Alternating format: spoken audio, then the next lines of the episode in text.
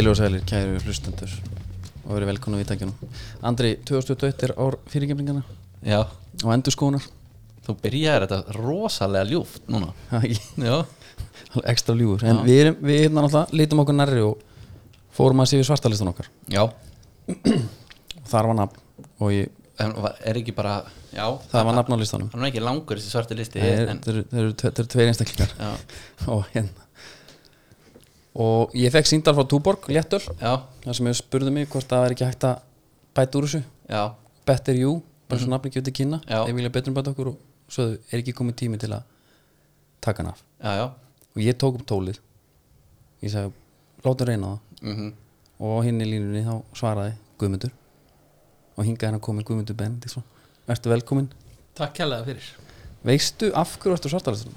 Nei. Nei. og það átti að vera fyrsta spurningi mín í þessu þætti. að ég heyrði þetta einu sinni í þættinum Já uh, Ok, það er sko, ef þú veist það ekki Ok, þá, þá, þá, þá lítur dansar þessu við sko. Já, en sko, fæ, svona næstu illt í hjartað, sko En uh, Ég, hérna, þetta, þetta er from the urn sko. þegar við vorum að byrja Já. þáttinn þá hérna ætlum að byrja með sprengju byrja með sprengju og ég, eftir einhverja tvo þára þætti þá ég segi, nú sendi ég á gumma ég sendi það skilabó, Twitter. Á Twitter? Já, ég vissi ekki hvað ég ætti að hitta þau sko. já, ok, ég sendi það. Svo bara leið og beið og ekkert svar. Sá ég þetta? Ég, við fórum í allskyns kunstir sko, með að kanna hvort, hvort að Twitter myndi sko, byrta það. Og var- við náðum ekki alveg en við eiginlega bara svona ákveðum að henda það bara beint á listan sko. Já, ég, ég skil það, já, ég skil það núna.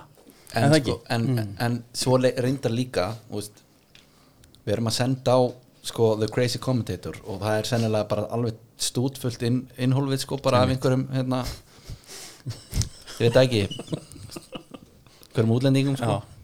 hvað var þetta 2016? nei, nei, þetta er ekki þetta hefur verið 2019 já, já, þetta var aðeins einna sko. já. en Bara- hér er ég komin hingastu komin og, Já, og við fögnum bara því og, og nú bara það er bara ein leið og það er upp á við Já, já. ég er bara ákvæmlega stoltur að fá að vera Og í sko- mínu uppáhalds podcasti og það sem var stór orð. Það, það er, það er hjúts en þetta er einhvern veginn ennþá betra fyrir sáluna eftir að maður sko heyrðaði að gummi hefði heyrt af einhverju svörtulista hann ekki hugmyndum af hverju sko. Þannig að getur þetta ímynduð hvernig mér er búin já, já, þannig að hérna, ég, þannig að við mælum með þessu ef við erum með einhvern svörtulista en til að taka upp tólið sko. Já. þetta er svona eitthvað svona samskipti. Já, þetta snýst allt um það. Já, herru við sko þú hún eitthvað hlusta þannig að að við erum svona byrjum yfirleitt bara á algjörl og það eru opið borð bara. Já, og mér langar bara að segja eitt mér langar að fá bara gumma teik á það já, að því ég var á Smartlandi. Já, og hérna sá að hún Marta var að það var fyrirsög tíagrautur mhm.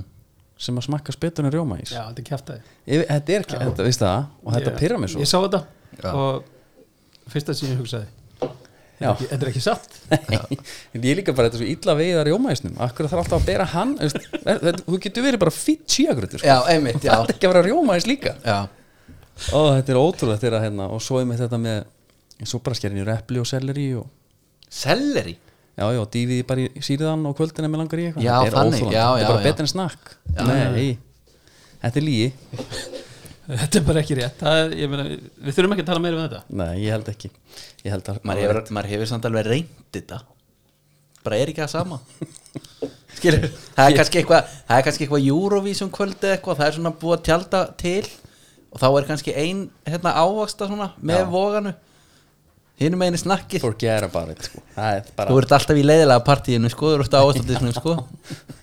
Ég er alveg saman, herri, sko Svo vilja, ég var að hugsa um sko hvort að maður takla eitthvað fyrirliðin en ég held bara að fólk ætti að hlusta kannski bara á draumaliðið Þú fer nokkuð vel í það? já, ég þarf ekkert að tala um fyrir minn Nei, sko. einmitt. Ég hefði meiri áhuga á ykkar Já, sem í fótboltmenn já, Já, hann er glæstur maður. Er það ekki? Jú, virkilega. Hann er að nægu að taka þar. En saga mín og þín er náttúrulega kannski svolítið svipu Náttúrulega mittist hana Jú. Nefn ég held aldrei áfram. Já. hættur bara Þetta er svona ef að þú ert svona ef og hefðileikmaður Íslands þá er villið þarna alveg á topp 5 sko. þetta, var, Já, já, það var alveg sorglegt maður. þetta var svakalega sorglega en ertu þannig? gerst upp bara ef að Nei, Jú, þegar, hann- þegar hann fekk eins og fregnar það reynda að ná í mig Já, fyrir nokkrum já, árum gafst hann upp, já, já, já, gafst þér. Gastu bara upp þá En ég það- hugsa bara, já, þegar, hann, þegar hann fekk fregnar að var komin einhver vögvinn í hnið þá alveg hætti hann að lítast á þetta sko. Vökvi er að skásta sem ég fengi ég, hér er hann alltaf bara líka hann er bara að bulla sko. Þetta var þetta var ekki, jésús nú er ég að tala um þetta, ég þarf þess ekki sko. Já, já, bara alls ekki. Nei, nei, en Andri náttúrulega ennþá.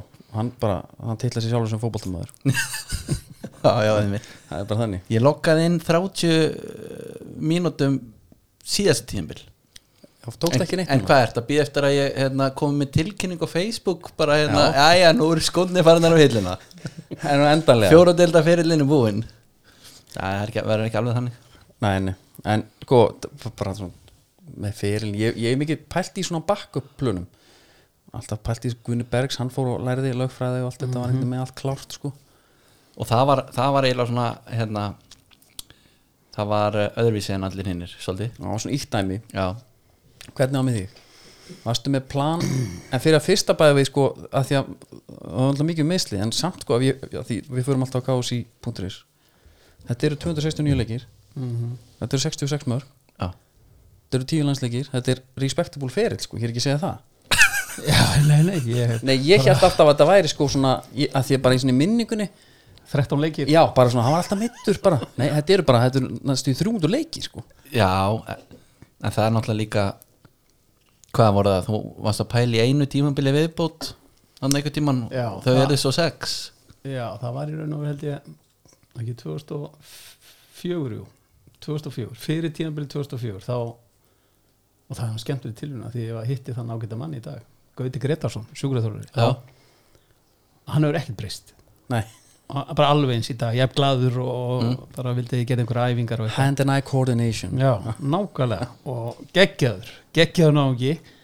En ég, einmitt, þú veist, ég gerði bara samning við hann. Heyrðu, ég ætla ekki að hætta hérna eins og þetta 2003 bíl var þess að ég gæti ekki spila leik og eitthvað svona, þú veist, líka mér er ekki að fara að segja mér hvernig ég er að fara að hætta, ég, ég er að fara að segja honum það. Ég þarf eitt tímabili viðbót og nú þurfum við bara að búa til eitthvað plan og hann bjóti plan og var með mig þarna tvisvar á dag, allan veturinn. Og það endaði já ég að spila til 2009 langar með að segja. Það hefur verið síðasta tímabilið. Já, sem var kannski ekkert skynsalegt svona upp á eins og við sáum í ganga hérna inn. En- að, þú veist það er ekki En sko þú hérna Þú hunsaðir lækna einmitt sem hann var að reyna að segja er að hætta Einmitt bara upp á framhaldi Höfðu þeir einhvað til síns máls eða? öruglega en ég sé ekki eftir mínútu En, en þú ert með flotta gólsveiflu og það er bara Já, get ekki gengið hringin en ég er með fína sveiflur. Það er gólbíl það er nefnilega bíl Já, En það má bara ekki í Íslandsmótinu það er eina sem að tröfla mig. Já. gera einhver undatekningu þar maður. En, en með, með talað um það með bakkuplani, var, varstu einhvern tíman ég menn þú fer að ungur út og allt það og var einhvern tíman eitthvað svona í eitthvað B-plan Af því að svo ég væri að ljúga ykkur ef ég segja að vera í bjöfla já, ég ætlaði bara að vera besti knæspilmaður í heimi Já. og það var ekkert að fara að stoppa mig í því og ég ætlaði bara að vinna mér í þann, það mikið pening að ég þyrfti ekki að hafa nokkrar áhugjur nokkuð tíman aftur. En bara- síðan náttúrulega breytist aðeins kem heim en Planið breytist þá bara svolítið yfir bara á hérna, þá var það bara Ísland. Já, það breytist í það og, en samt var ég einhvern veginn aldrei komin eitthvað, heyrðu, þá ætlum ég að fara að læra þetta eða gera þetta Nei. og eitthvað. Og það var í raun og veru ekki fyrir það verið hérna 2003-2004 sem ég sendi inn mína fyrstu og fyrstu starfsumsókn. Já, þegar ég sendi bref á ekki Magnús Ragnarsson sem er hjá Símanum já, þá var hann yfir skjá einum sem Já. var að byrja með skjá sport. Og þá sendi ég inn bref á hann. Og hérna sótti um, taldi mig hafa eitthvað fram að færa hérna í, í enska boltanum og, og hérna síðan var ég bara bóðaður einhverjum vikun setna í eitthvað einhvern hitting og búin að vera í því síðan. Já. Ég er þetta bara búið að vera svolítið eitt leður öðru svolítið. Já, þetta verður einhvern veginn ég hef verið ógeðslega heppin í, í lífinu bara, yfir höfuð, allir ég lögum að segja. Og hérna, en maður það líka að reyna að gera það vel sem maður er að gera. Og, og hérna, þá einhvern veginn fylgir líka hefni með því.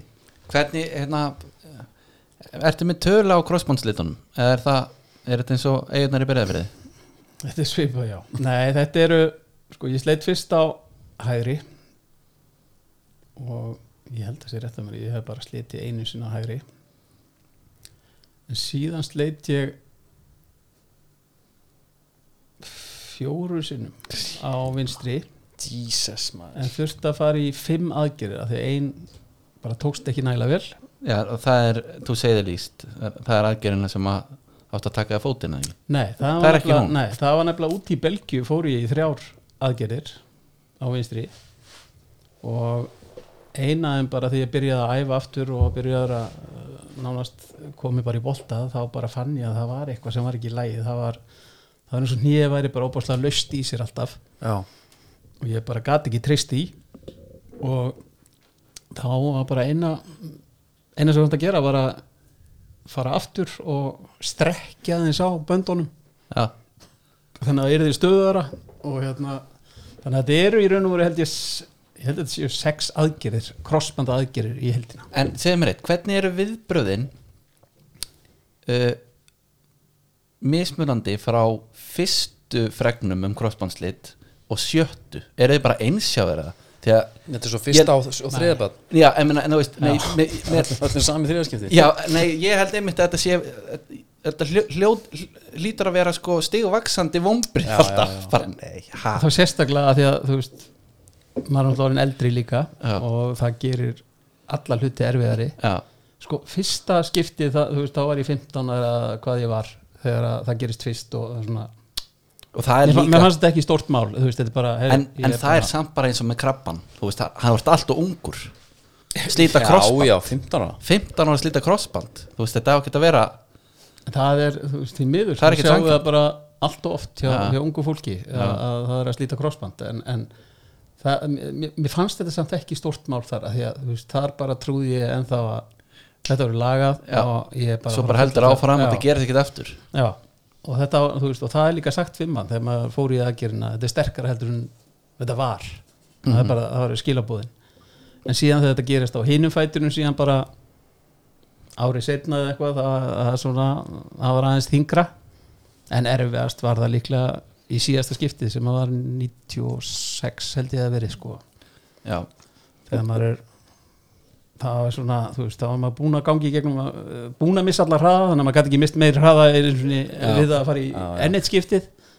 En það var, það var líklega erfiðast og líka náttúrulega bara það sem gekk á í kjölfari að því þegar að eins og vittnar í að þegar bara lækni kemur inn og segir þetta lítur ekki vel út. Og maður er svona, "Mm, ég sleitt crossband þetta er Já. En þá kemur sýking í kjölfarið og bara 50% líkur að ég að taka af við nýja og eitthvað.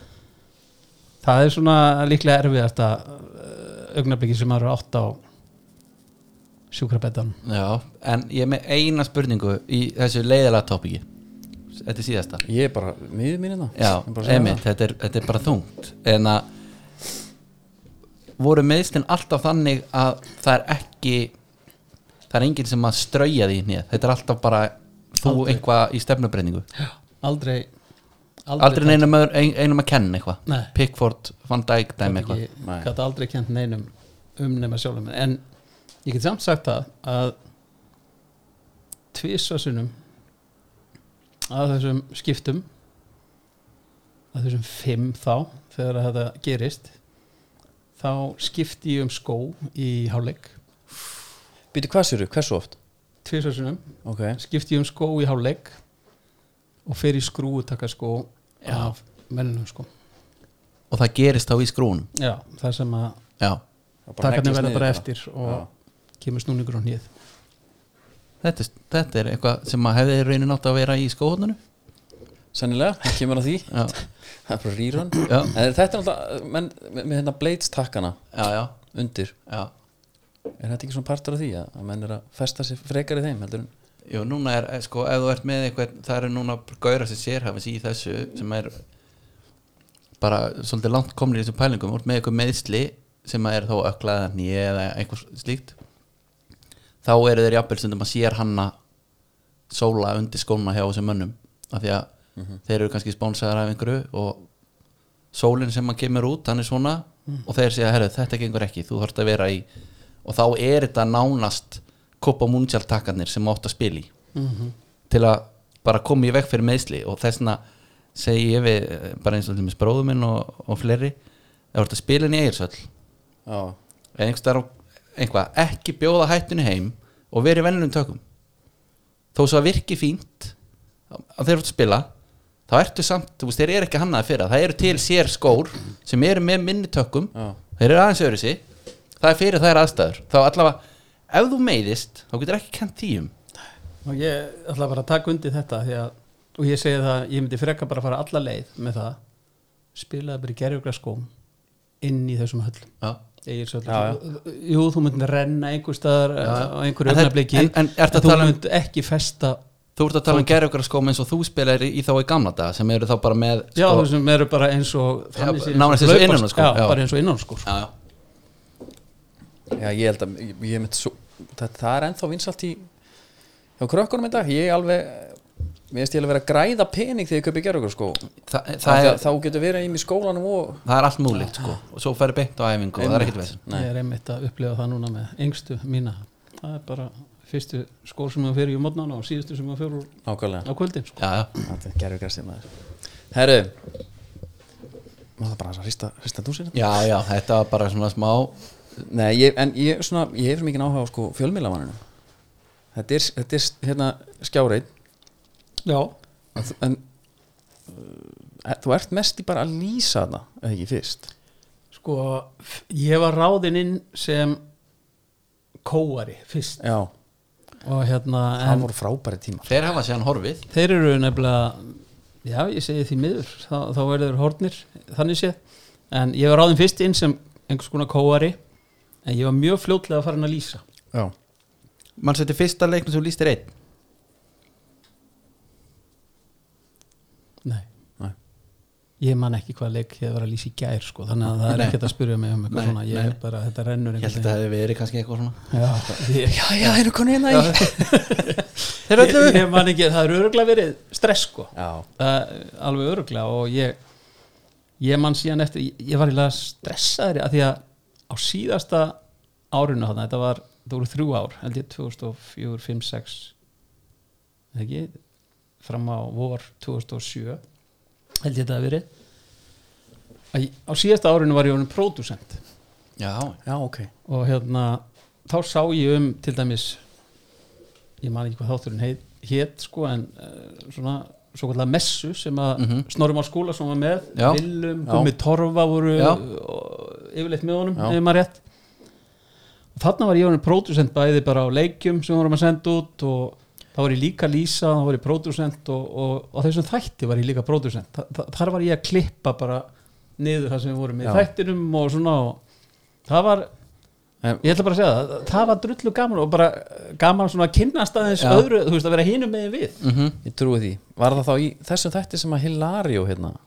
Já, Hilari var þarna. Ég man ekki hvort ég sem um þennan ágæta mann í, í dag. Eh. þetta er strákur sem að reynda spilaði með Porto undir stjórn Mourinho sagði, það er grunn lærið að því. Já, Eiríkur Jákalli Hann á þetta að gera það gott. Það var bara, en hann nú náður hann kom til eh, Chelsea. Hvað gerir það hefur eitthvað Já, annað gert þarna því að þetta nafn er ekki svona fyndið. Að sjá hann en það getur hvað hann býður líka lengi með að segja hann já, hann getur það ekki. hann kveikið í okkur láturinn Hilario, heyrðu, við tökum auglýsingar. Hann held líka inn í sér andanum þegar hann sagði það sko. Tökum var og hann kláður með auðlýsingar það sáu um daginn hérna Svafa þegar hún lendi í svo já, þannig er eitthvað baku kameru sem er að gera eitthvað sko. Það hlýtur bara að vera sko. Að gummi. Já, ég var ekkert að, þú veist, ég er einhverstaður upp í búri þarna já, ok, það er þetta bara nafnið. Þetta er bara, þetta, er, þetta verðist að vera nafni en var ekkert hérna, var síðan ekkert erfitt að það var búið túborg. Var ekkert erfitt að selja þér síðan að fara í svona non-sport ef, ef svo máru komast þegar hérna, þú átt að færa þig úr íþróttunum? Mm. og yfir í bara my sem dæmi my all time fave er náttúrulega ískapastrýð já, mitt líka. Ég er ég er búin að horfa alla þrjá seriunar aftur en einu sinni. Ég segi það mér- frá, alveg frá- bara beint frá hjertan ég er ekkert að ljúga þar. Já, ég líka.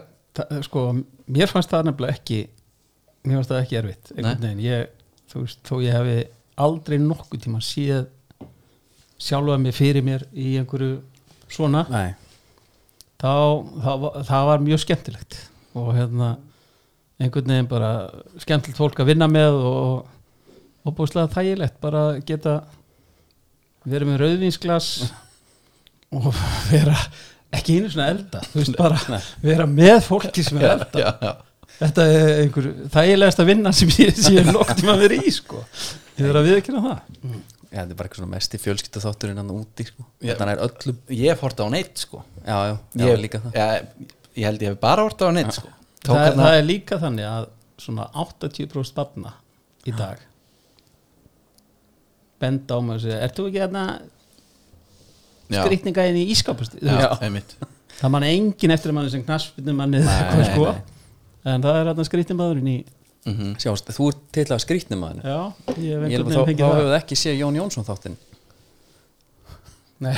þegar hann var í já, þegar hann söng allt og langa lægið Já, hann bara átakalegt. Þegar hann var í ískápnum og berjast við hann þetta var alveg já. ískapin er reðist á hann. Já. En svo hann byrjaði. Já, það var alveg svo náttúrulega söng hann lægið þannig að hvað var það? Eini sitt og sauma held ég. Já, Og það var eiginlega verra Eva söng líka held ég. Já, hún tók undir jafnvel. En hún hafði náttúrulega ekki í sér að gera jafn lengi Því að Jón nýtur óþægilega augnablíðin svo mikið Að hann náði að syngja það í einhverja Já. 90 sekundur Og það er allir bara Herru, nú hlýtur hann að fara að hætta. Ég myndi hugsa þetta sko í, ert að gera þetta live eða hvað eins og þarna að kemur hlátuskast live sko hinnum svo ertu með Jón sko, þetta er alveg þetta er hot potato að vera með hann í einhverju setti en þetta var samt- ekki live hann elskar, nei þetta var náttúrulega ekki live. En hann náttúrulega elskar samt svona augnablík að að búa til kannski óþægileg veginn. og líka að því að sko, ok, þegar hann syngur lægið Þá er það svona Það er öðru svo þægilegt. En svo kemur hann líka bara með það lélega fimmurabrandara Að það líður öllum illa. En eins og núna Það er náttúrulega mjög fyndið að hann mæti þátt sem myndir ískáparstríð Og hann gerir þarna góða tilraun Og fer í stríði við ískápin ég, ég hló sko, ég hló. Ég hugsaði samt bara veist, ekki maður hafi reynslu úr sjónvarpinu? Nei, nei. En ég minn ef, að gummi væri hérna eitthvað þú veist mækin í hálstæki maður væri að byrja hvað hérna, hvað er þetta nú að gera? Það væri svona aðeins öðruvísi. Herri við erum, við erum að koma okkar samstagsalma Já, já, þeir eru með okkur. Dominus, þeir eru með okkur sem áður. Nú er Ostóber Já, verður ykkur góðu. Já. við fórum nú mástu. Ostóber, Ost hvað var það, Ostvaldur. Það var Ostvaldur. Ostvaldur, já. já. Það er þetta að Ostu leika fyrstu sem með sín þetta. Já, þetta var ímislegt svona gott en um að gera að fara þangað inn þú ert nú þú ert nú ekki mikið fyrir pítsunar það sko það er nú svona eiginlega komin ákveðin hefð fyrir því að það séu svona eiginlega bakar pítsur á heimilinu. Já, á, förstu af dag og til, já, ég haf vel að förstum með eitthvað. Ég skal bara viðkjöna það að ég var með matinn á sunnudaginn og Hafa Dominos. Það, Dominos komið með hann. Ég get alveg viðkjöna Það það. er mjög gott. Þetta er svo þæg konan var ekki heima og, Þetta er mitt framlag. Herru hérna viltu tala meir um fjölmjölamannin það? Já, ég ætlaði bara það, við getum skauta alveg á milli bara hinga já. hanga við, við bara við erum að ræða jafnvel bara þessa Pepsi-dild og, ég var um þetta að pæli því. og, og sko turbulencið sem er í gangi einhvern veginn eftir hana. Já. uh, ég var til að byrja á val. Já það er hérna þetta Hannes versus Valur æfintýri Mhm. þetta er sérstakt. Þetta er bara sko, við erum eftir að minnast þessa málsbæri eins og Guðmundur og Gerfismálsins sko. Það veit enginn hvað er í gangi þarna. Og maður heyrir þessa sögur hér og þar sko, Já, veist, hann, hann er í gjótu í Krísuvík, skilur en maður veit ekkert hvað er satt í þessu sko. Nei, ég hérna en mér fannst eiginlega best bara í dag að börkurinn mætti og tala um að hérna, það væri niðurskurður? Já, hver trú, hver á eigum við að trú eigum við að sýta hérna bara að trúa þessu? Já, já. að því að kom frétt sko í viðskiptablanum fyrir tveimundum þar sem að valsmenn EHF mm. voru með, hvað var það, 2 miljardar í hagna ég man að þetta var eitthvað svona stjartfræði upphæð sko. Á maður bara að sýta þetta þessu? Já líka, þú veist. Nei, nei, ég bara en án, án þess að fara í einhverja heitar umræðum um það þá hérna hann er á 38 ára Hannes ef, ef þú ert að, með fótboltafélag og ert að horfa eitthvað fram þá svona gefur auðvitað lið það það er ekki mikið eftir. Nei, nei, nei. Gísmik kemur, hann er á lausu. Er, er þetta ekki bara eins og ég veit ekki, þeirra heimi var látni fara og Óli Krydd tók við, Óli var á lausu. Þetta, þetta, er, þetta er mjög áhugavert í það minnsta. Já, og hérna ég ég veit ekki hvað hefur eða hvort að eitthvað hafi gengið á en, en þetta lítur þannig út náttúrulega bara eins og Valur hafi ekki áhuga að hafa Hannes áfram. Já. þetta lítur bara þannig út utanfrá séð. Og sko ég, ég hef verið í val með Börk sem, sem formann. Og Börkur, ég skal alveg bara segja það reynd út, Börkur er einn af mínum já, að því að passjón Börk, já, að hann er tilbúin að fara alla leið fyrir félagi sitt. Og það þarf uh, klálega að taka mjög erfiðar ákvarðinir mjög reglulega ef þú ert í forsvari fyrir, fyrir svona félagi sem ætla sér að ég bara vera Íslandsmeistar á hverju ári. Og haldið að spili líkin í að hann er minna, hann fór, hann fór til Gilva í brúðköp hann fór á hátíð núna á þessu ára miður tímabili ég meina þú veist, ekkit út á það að setja sko en ef þú ert að reyna að vera með eitthvað svona prólið eins og þeir eru að tala um, þú ert að reyna að vera með mér finnst það ágættis pæling sko en að hvort það sé ekki bara veist, þeir eru bara velkom að gera þetta en bara við erum í öðrum pælingum. Gusti from the future kom líka með aðra pælingu. Auðvitað er þetta svolítið svona langt þú veist þetta. En það er þú veist að landslýsanskandi sem farnar á hilluna. Og það hafi einhver áhrif sko hans ambisjónir í fótbolta. Það var náttúrulega from the future reyndar. Ég er að segja en þú veist en hérna en bara með að við hvernig maður er búin að spila og þú veist þannig og maður mynd, ímynda sér þannig er þetta með mannin í klefa sem gerir heldur góða hluti æfingum, allt þannig. Þú veist hann setur standardinn. Já. þess vegna og sko, peningar er ekki vandamálana Nei. þetta er ekki niðurskurur það geta, bara, þú veist, það geta allir verið sammála það. Og jafnvel þó að þetta sé bara þú veist, 200 úr skall á mánuði eða þó svo að væri hálf miljón bara ég held að skipti það ekki máli. Þess vegna sko, trú ég samsæriskenningunum eftir hennar byggarleikana það sem Já, var að já. tala um að það hefði einhvað allt farið í bál og brand Eftir já. En, ég, ég hef ekki heyrt það. aftur, enn og aftur, enn og aftur, þetta er bara sögursagnir já. en ég, ég hef alveg heyrt sögursagnum það að það hef verið fyrir byggarleikin já, einu með tveimundum áður. Já. og það hefur einhver læti þá. Já, sko, en, en ég veit ekkit hvað er rétt í því. Svona, Nei, svona breytist þetta, það getur vel verið að ég sé að tala um bara það sko. Mm. en þetta er, en þetta er samt Ef við ekki að búa til einhverja kjartasögu núna já einmitt. En þetta er, ég meina, þú veist, þetta eru risafréttir. Þetta, er, þetta eru það. Og hérna, og líka, en hann er alltaf ekki ennþá farin nei, nei. Það er málið, hann er ekki með samningu, ég veit ekkit hvernig staðan er á því hvort að það sé einhver eitthvað uppsagnar ákvæði núna í oktober eða hvernig það er. Þú veist, hann á allavega hana held ég bara samkvæmt KSI eitt ár eftir að samningnum Já, já. hjá, hjá Val. En ég, þetta verður allavega mjög áhugavert og það, það er líka bara mjög áhugavert að það vil lengi tjá sig um þetta og þar fyrir utan að Hannes verðist ekki ná í neitt Já, það, það, mér finnst það eiginlega bara já. leiðilegast að ég söllu saman. Er það komið frá honum beint? já. já, já, hann hefur sagt það bara í vittum já, já. Já, hann náttúrulega bara, það svarar honum enginn nýri val. En hvenar fer hann er hann, hvenar, hvert er hann að ringa Ég að segja, já, en, og líka hvenar tekur hann upp tólið? Er það bara um leið og hann sér að búið að sæna markmann? Heldur Bara, eitt fyrir skrifstofu, Já. heldur tvo fyrir Börk, já, uh, tveir? Ringir alltaf út. Dít, dít, já, Og hérna, skil eftir skilabóð Þetta er hljóðmerki heyrist. Já, Já, blessaður Börkur, hann er sérna um, Ég var að velta fyrir mér Þið voru að sæna markmann. Hefur það eitthvað með það að gera Ég sé ekki að fara að spila, hvernig er þetta? eða skilur við, að þetta er svolítið fyndið varandi markmenn Líka sko- veist, þá er þetta, veist, þetta er öðruvísi sko. Eitt hérna líka, það er 2021 sko, þú ert ekki bara með hérna beintenginguna sko í símanum Nei, nei. land hérna heldur eftir með sko netið, þú getur bara farið á staðinn þú, Já, já, þú átt ekki að ná því hann og heldur marga vegu já, ég já. væri, sko ef ég væri í þessari stöðu þá var ég búin að sitja í bílnum fyrir utan bara valsemlið já. og þó þurfti heilan dag í það Mhm. þá sæti ég bara þar með eina Dominos, lummu bara jafnvel Já. og, og bara eða framkvæmdastjórin eða börkur kannski að mæta á svæðið. Já. ég, ég myndi ná þeim þar. Já, já. ég verð ekkert að ringja og ringja og ringja og það svara mér enginn.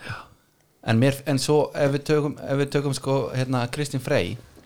Ég ætla að segja, þetta var bara svolítið kukk á það að Kristinn Freyr fann til FO Já, en mér finnst það sko, jafnvel þó að muni sko hellingi aldrei á þessum leikmannum þá finnst mér það meika meira sensvarandi í eitthvað svona rebuild dót. Mm. að því að sko, með að lo losa kitta þá? Nei, já, bara hérna að breyta eitthvað til.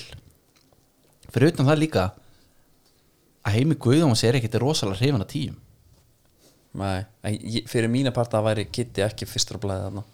Í eitthvað rýbild hann Nei, er bara að- 29 ára? Nei, nei, alls ekki. Ég er ekki að meina Já, já. þannig, heldur meira bara sko, eitthvað leikstílslega séð eða eitthvað svo leið sko, að hérna hann vilji bara fá öðruvísi leikmann þarna inn eða eitthvað svo leið sko, þú veist ég veit það ekki. Og hérna, svo getur vel verið líka minna Kristinn Freyr var náttúrulega ekkert sáttur heldur sko, þannig að kannski var þetta eitthvað svona happy ending fyrir báða sko. Ég, ég held samt að Kristinn Freyr hafi viljað vera áfram. Já, en ég held að samningar viðræður hafi bara runni út í sandin síðan kannski. það var held ég alveg öruglega svona tvær vikur eftir að mótinu þegar að það var ljóst að einmitt. ekki áfram Já, já, og ég veit það líka að, að þú veist Óli Jóamna heyri kitta bara st- strax eða held ég og hann tók við FA og vissi að kitti myndi renna Já, út í haust. Já. Þá var það fyrsta símtalans en svo er það líka hérna, Þetta var eitthvað svona reunion hann hjá þeim sko. algjörlega og í- ef ekki Bjössi Reyðars að koma líka Jó, þetta, þetta er, þetta er svona tveir að hittast á barnum í re- reunion, eitt sem er búin að búa í útlundum kannski Já. smá tíma og svo er þriði á leiðin sko. Já, algjörlega En ég, nei, með FH að hérna Guðmann er farinn Já. Kitty Freyr bara, hva- hvar kemur hann inn? hann bara, allan sé ekki fyrstur hann á blað? Kitty Freyr verður bara fremstur á miðinni Já, Matti Villa verður bara upp á topp. Já. Og Lenny út á kanti. Lenny út á kanti og Jónatan Já, þetta, er, þetta er bara fjóru fremstu Já. það er bara, það er svona nokkuð skottel það er ekki að ræða það. Allir heilir og Og Morten Beck í, á bekknum, klár? Nei, hann er nú hann, er búinn. Já, hann er búinn á samning og hann er farinn.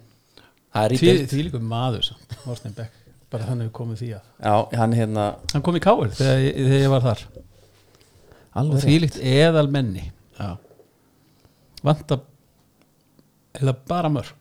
Þá, þá var þetta fullkomin maður.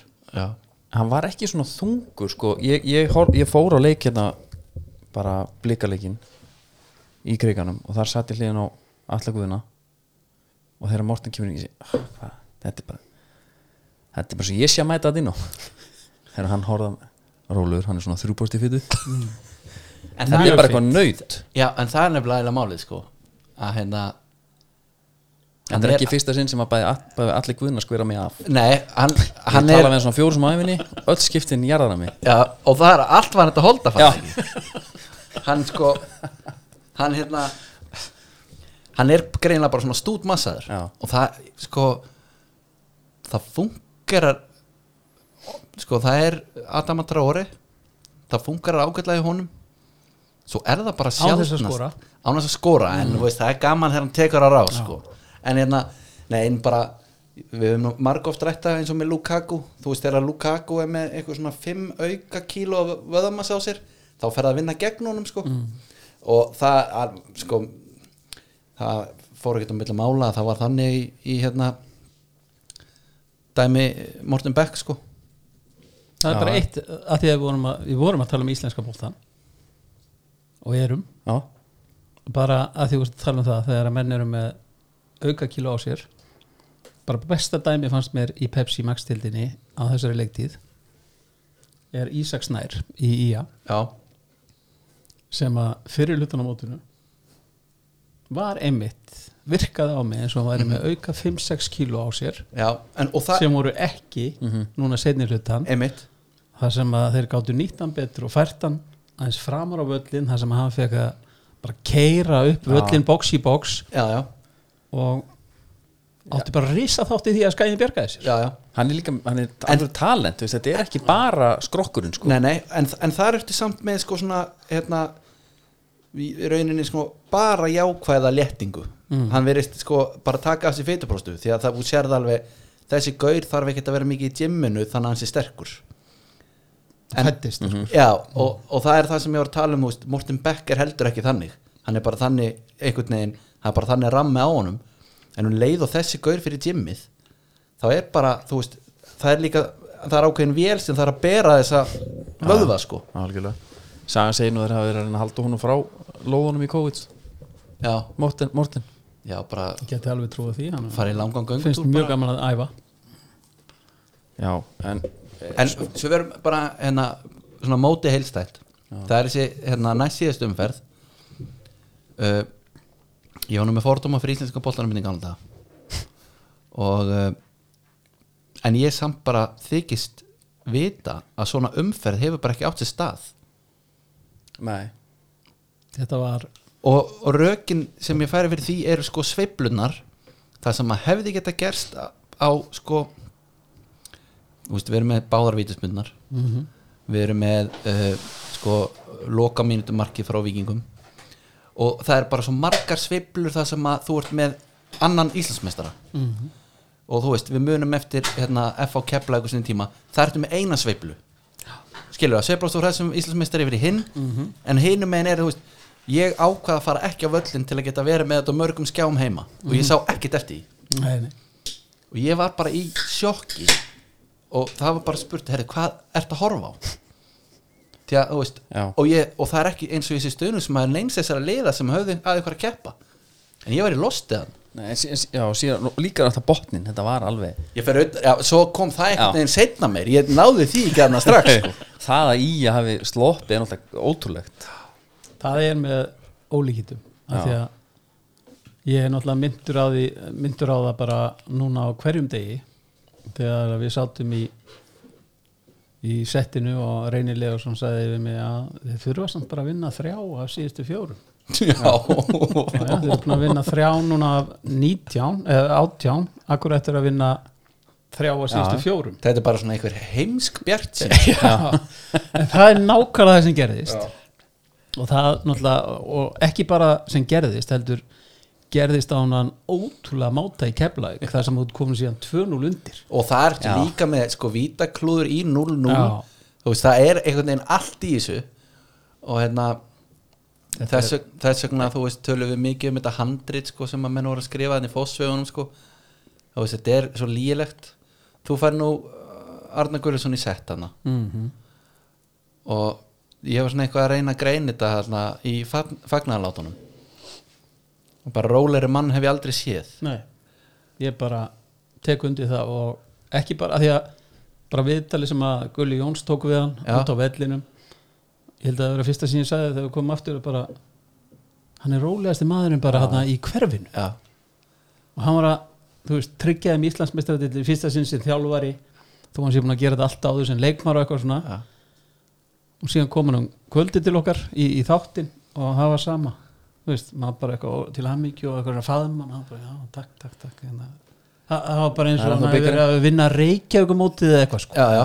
og þetta er sko ég væri til að spyrja hann, ég veit ekki hvort hann gæti svaraði sjálfur einu sinni sko en ég var með kenningu um að þetta væri einhvers konar hérna einhvers konar dofi mm.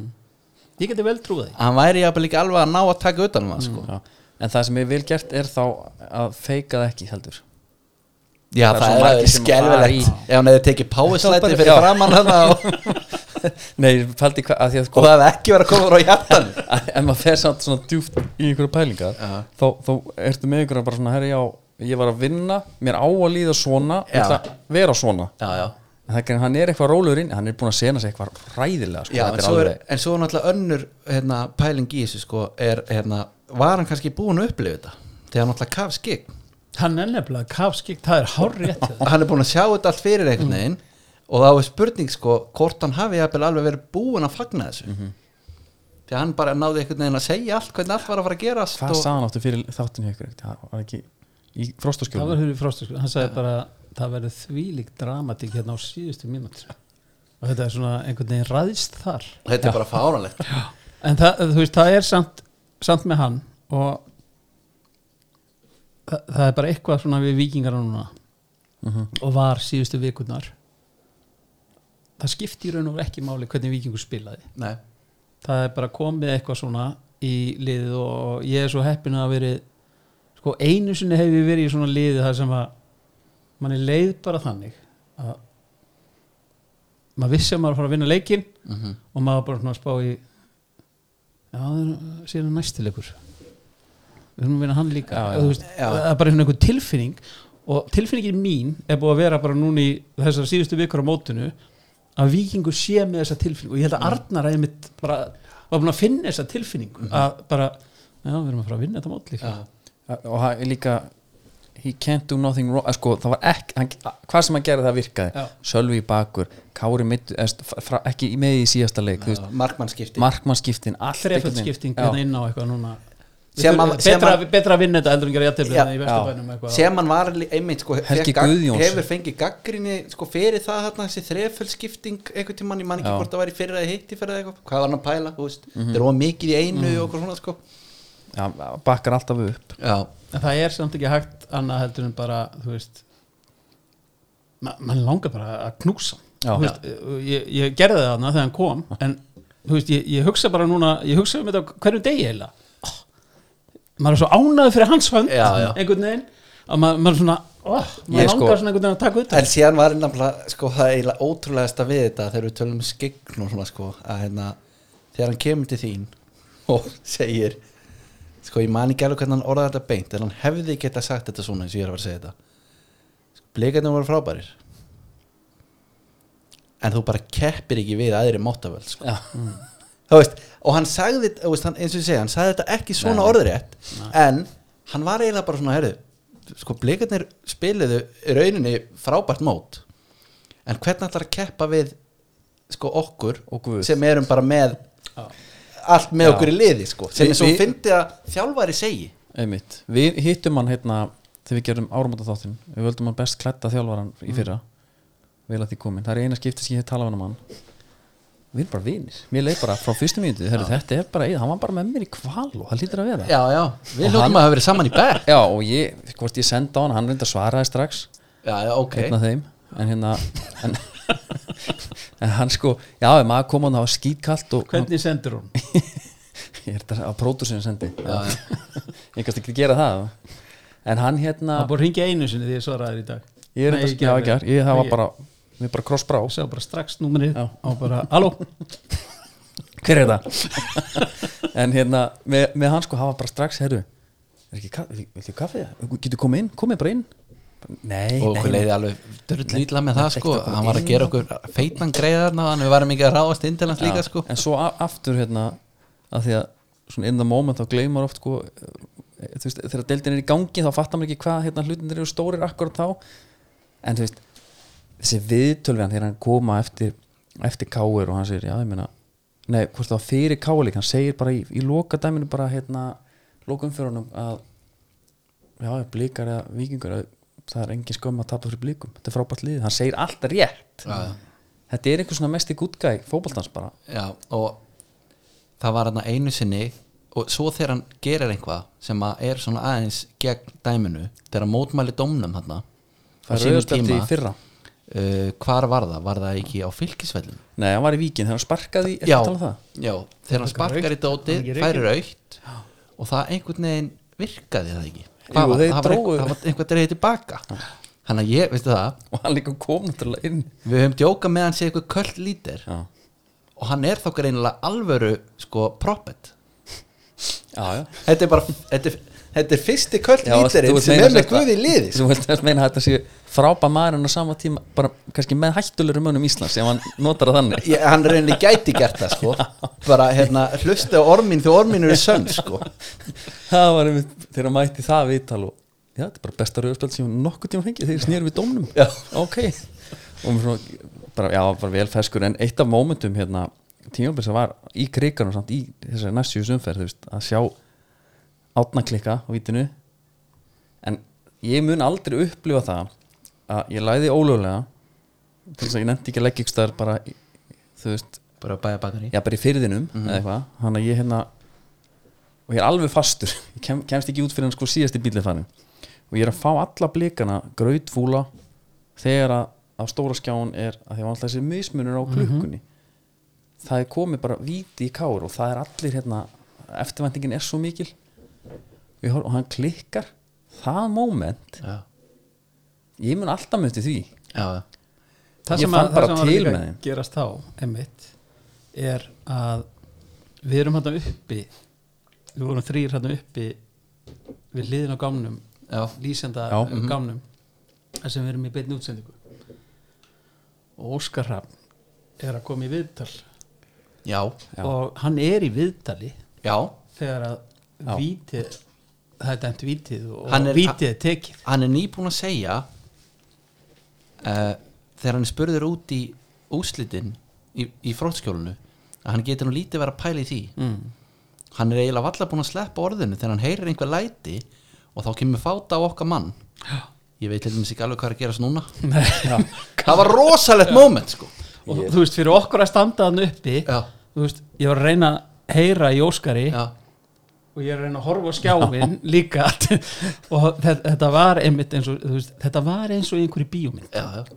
ég, já, þetta, er, þetta, er, veist, þetta er handritið sko, þetta verður einhvern tíman eitthvað handrit líka bara vantarlega í Þetta, kvikmyndahúsum sko. þetta er bara hérna, Netflix er nú með seríu. Tala, talandi um það, ég meina þú veist, Gulli náði, Gulli Jóns náði að lauma sér það er rosalegt. inn já, með vikingu fyrir nokkrum vikum síðan og fekk að vera svolítið með Arnari og Kára og Sölva. Bara þessar síðustu umferðir. Og er ennþá með þeim, gerir ég ráð fyrir því það er eitt leikur eftir. Já, og Arnar Gunnlaugsson er svo mikill showbusiness gæi uh, hann, hann er bara fættur fyrir þetta að við séum að sína þetta í sjónvarpi. Veist, bara eins og viðtölum sem mm þú veist, vera að tala um. Og ég get sagt ykkur bara bara frábært dæmi um þetta er þessi byggarleikur í áttalega úrslitum gegn, er gegn fylgju upp í árbæ. Það sem að þeir vinna eftir framlýgingu já, alveg rétt. Og ég veit ekki hvort ég megi segja þetta en ég ætla samt að segja þetta. Að hérna gæin sem er að elda vikinga tökum maðurinn okkar hann mætir upp í árbæ og bara lænar öllu upp í klefanum bara kamera, kamera, kamera og bara herðu, síðan alltaf kemur þau ljós að hann er í raungum klefa þegar að vikingarnir eru að klæðis úr. Gunnlaugsson bara allir klárir? Komið.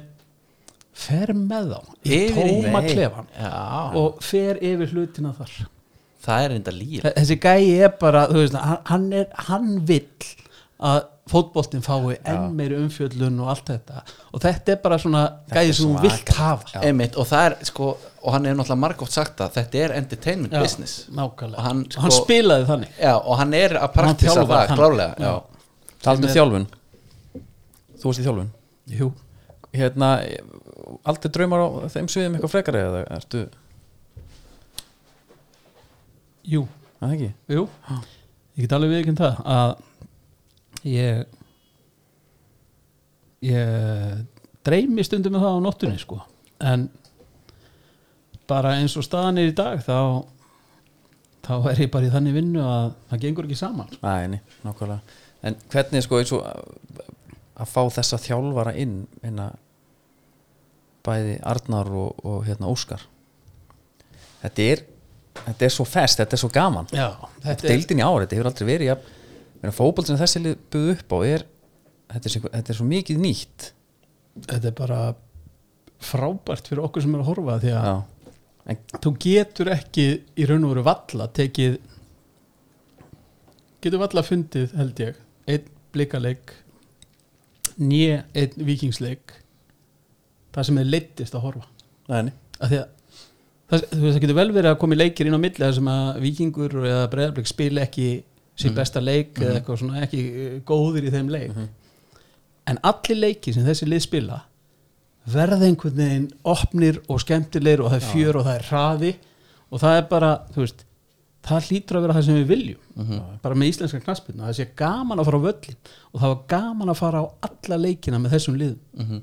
Og hefur verið undanfærin ár. Og eins með blikana sko, þú veist, jafnvel þó að það væri einstefna þá var það skemmtileg einstefna. Já, þú veist, þá voru þeir einhvern veginn að sína hvað þeir voru já, geggjaði þeir voru svo ruthless alltaf. Og það ef var það- slegja af. og ef það er síðan öfugt sko að þá er það uppsettið.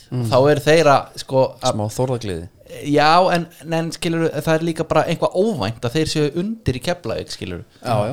og, og, og þeir að reyna að vinna einhvern veginn á móti því sem er svona eitthvað eins og ég segi, bara e- sem átti ekki að gerast sko Já, það er líka bara þú veist að gegja við þessa íþrótt. Já, já. það, það mun gerast? Þú, sama hvað, þú veist, blikarnir og vikingar eru góðir að þú veist, þeir munu tapa leikjum einhver staðar og, og í keflaðu kannski á öllum stöðum sko. ég fór bara að veltaði fyrir mér eins og fyrir menn sem eru með eitthvað svona þjálfur dröm í maðanum að, að sjá þessa nýju gaur að koma inn sko, hvort þetta sé ekki mitt bara herfi ég hefði verið. Já, ég, nú þetta hefði mér að verið ég. nú fyrir mér að lang, langa að smakka það sko. ég hugsaði, ég hugsaði sko þegar Vili spurði bara maður sem að spilaði jafn lengi og þú og ég sem liðum með þessum leikmönnum þekkir þá alla. Alltaf bara svona herrið hvenær, þú veist, það lítur einhver að ringi í því og segja, herrið gummi ætla ekki að vera með mér í þessu? Uh, þetta hefur alveg mjög reglulega komið komið upp en bara, e, samt er eiginlega bara sama svar já, já, ég gæti ekki gert það. Út af vinni nei, eins og staðan er en já, síðan hef ég alveg svona líka hálfpartin leinda draum um að þjálfa yngri leikmenn. Af því að veist, það, það finnst mér alveg óbóðslega hillandi að vera með unga stráka, unga stelpur þú veist, ég á þrjá stelpur sem eru allafnur að æfa fótbolta alveg bara frá því að byrja að ganga og að því að þetta eru svampar sko, Mhm, sem að bara allt sem þú segir og, og byður þeim að gera það er bara, vilja allt gera til þess að verða betri og betri og það finnst mér líka óbúslega heillandi einhvern veginn og þó ég hafi þjálfað þú veist, þú það, það var að fyrsta sem ég gerði eftir að ég hætti að spila. Það var bara að fara að þjálfa í efstild þið tók við Já, já. selfórsliðum sem var í sinni fyrstu heimsókn og, og ég hugsi ekki alveg þú sagt hefur alveg geta valið þér auðveldarverkefni. Já, ég hugsa það en þú veist, það hefði ekki verið jafn gaman held ég Nei. Þú veist, þetta bara og þó að ég ég getur örgulega sagt að það er bara það var örgulega ekki rétt að mér að, að bara vaði það ég sé ekki eftir mínút að, að því að Nei. veist, mér fannst þetta ógeðslega gaman og ég var ég var meir en sár í alvöru eftir tíðanbilið það sem að var ákveðið að heyrðu, við ætlum að fá einhvern annan til þess að Já. þjálfa því að Já. ég var bara svona nei ég, þú veist, já, ég vil fá að halda áfram og fara með þetta beint upp aftur Já. eitthvað svona. En þú veist, það er bara hlutið af þessum þjálfara. Síðan, síðan hef ég þú veist, það er rauninu eina þjálfara giggi sem ég tekið að mér fyrir utan það, síðan var ég með Óla Kristjáns í sko 11, 12, 13 og síðan 14 yfirgefur, eða þú veist, fer Óli út mhm, og ég tek við liðinu þegar eru búnar örgulega 6-7 umferðir eða eitthvað. Já, og, og hérna kláraði tímabilið þar en það er í einu skiptin sem ég hef þjálfað liði í Já. meistraflokki en ég, þú veist, ég, ég fullir það hins vegar að ég er svona 40 sem betri þjálfar í dag heldur en ég var sko Já.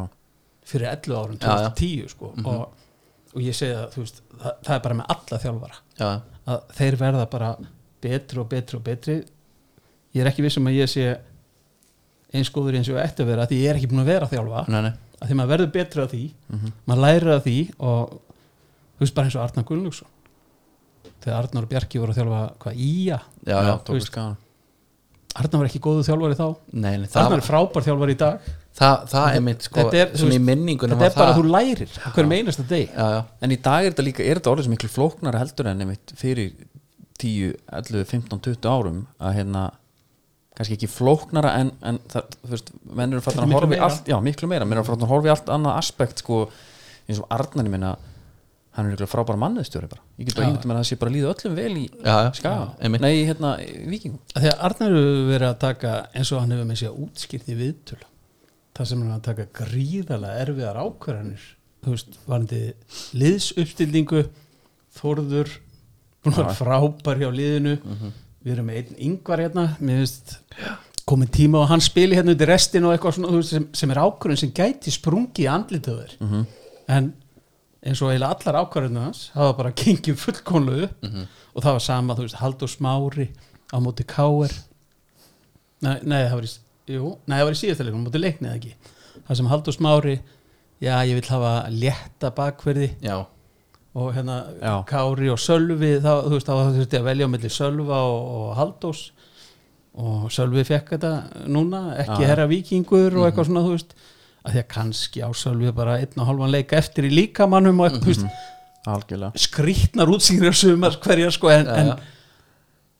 einhvern veginn eftir leik bara maður hugsa bara já, hann veit alveg hvað hann er að segja þessi en, en það er en, sko, er ekki svona reynmenn dæmi en, við, en við rættum þetta einmitt sko, að hérna, í fyrsta legi sko, það sem að maður bara gefur sér með sko, karakter hann að sölva það er eitt. Og bara hérna, prófílinn sem hann er sem miðverður að setja hann í bakvörð. Það bara svo hugmynd jafnir þó að skrokkur hann svo væri sko 100% þá er það alveg svona svolítið steikt ákvörðun að taka bara, herru, sæl, uh, þú ert að fara yfir bakverði ha?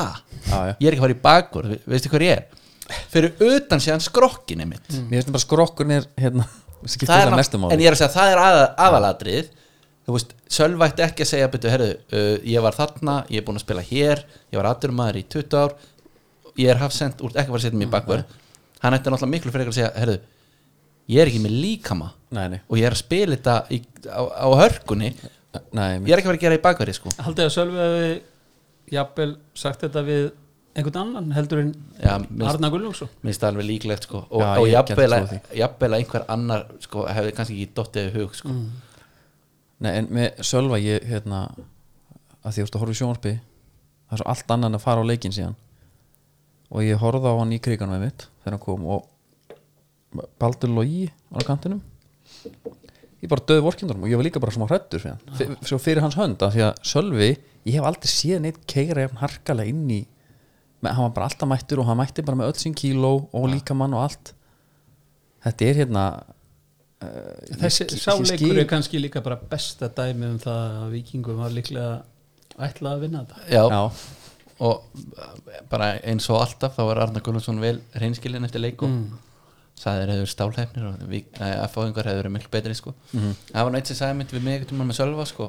Ef hann hefði ekki meðist þá hann enda enn skúrústildinni þegar hann hefur bara aldrei vitað um annarins leikmann sko. Nei, þetta er alveg gæði. Herru, við ætlum að fara í aðra sálma.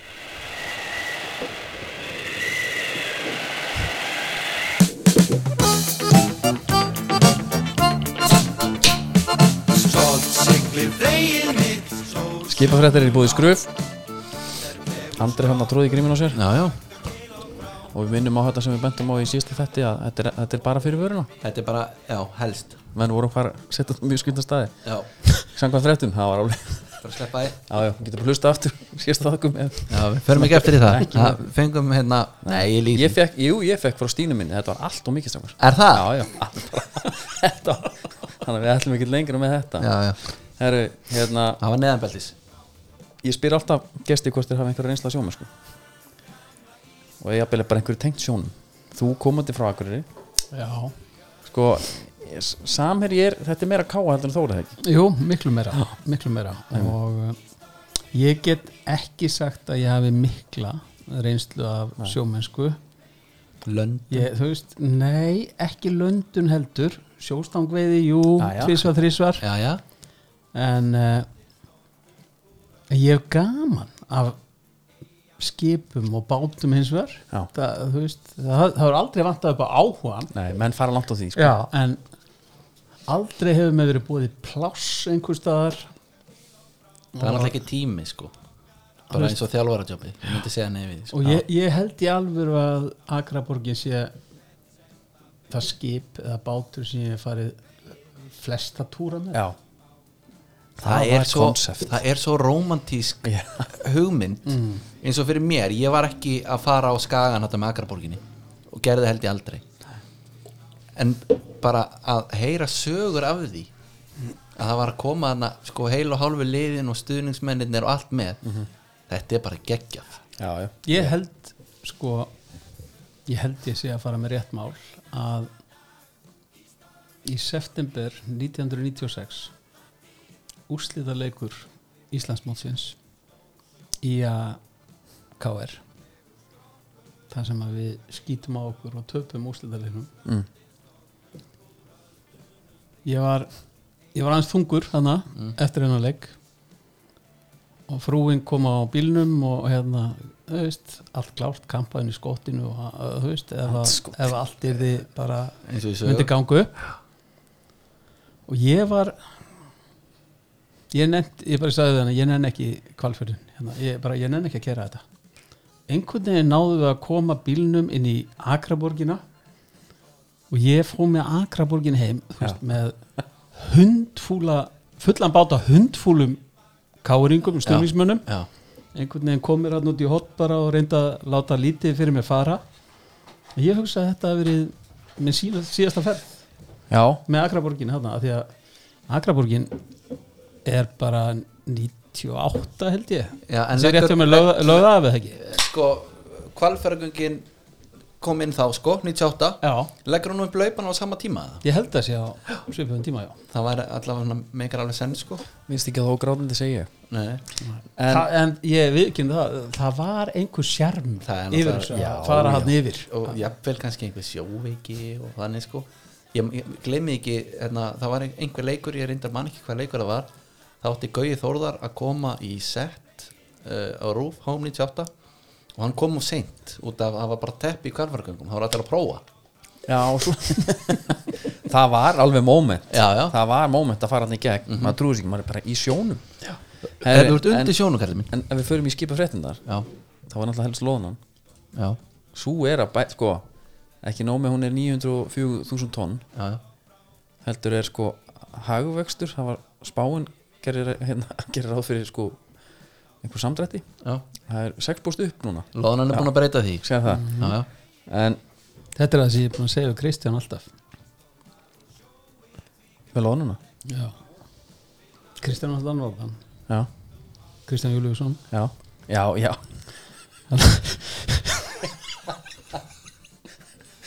Ég sá bara ég var bara, ég, það er var eins og þekktu ekki. Kristján. Hvað er Kristján?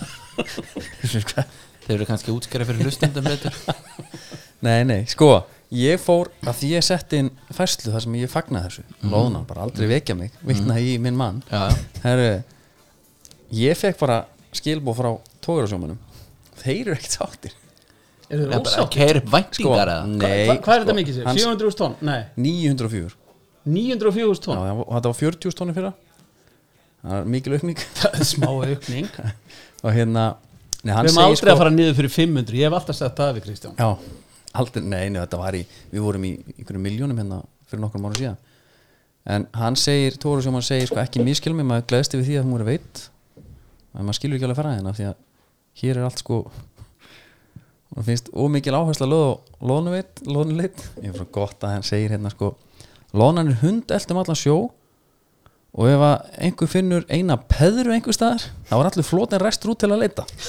Og áttum ekki að byrja flótrósveðinni það er sér kapitul út af fyrir sig Vili, ekki vera eiðalega þetta fyrir okkur. Nei, nei, hann segir þetta snýst allt um loðununa og hér er allt stappfullt af ísu, menn er að flýja ísuna og við fáum ekki að veiða jafn mikið að henni. Nei, fáum þess ekki og ég, Andri, ef ég segi er að það er allt stappfullt af ísu hérna, um allt bara alla trissur mm. menn er að flýja hana. Ertu með eitthvað laust? Ég sé bara veiðana Já, ég sagði það, ég fekk Auka bara kótan bara og, og ég, sagði við, mókis upp. ég sagði við minn mann ég sagði, ég er nú bara með nokkuð góða lausn hérna. Nú, hvaða lausn er þú með? manni finnst það svona líka um upp að veiða meira ef hann er svona stór, stofnin hann gerir svona tvo grenju hlátur kalla. Já, það er bara þannig að hún er bara meðaflið þessa dagana og, og, og mikið af henni.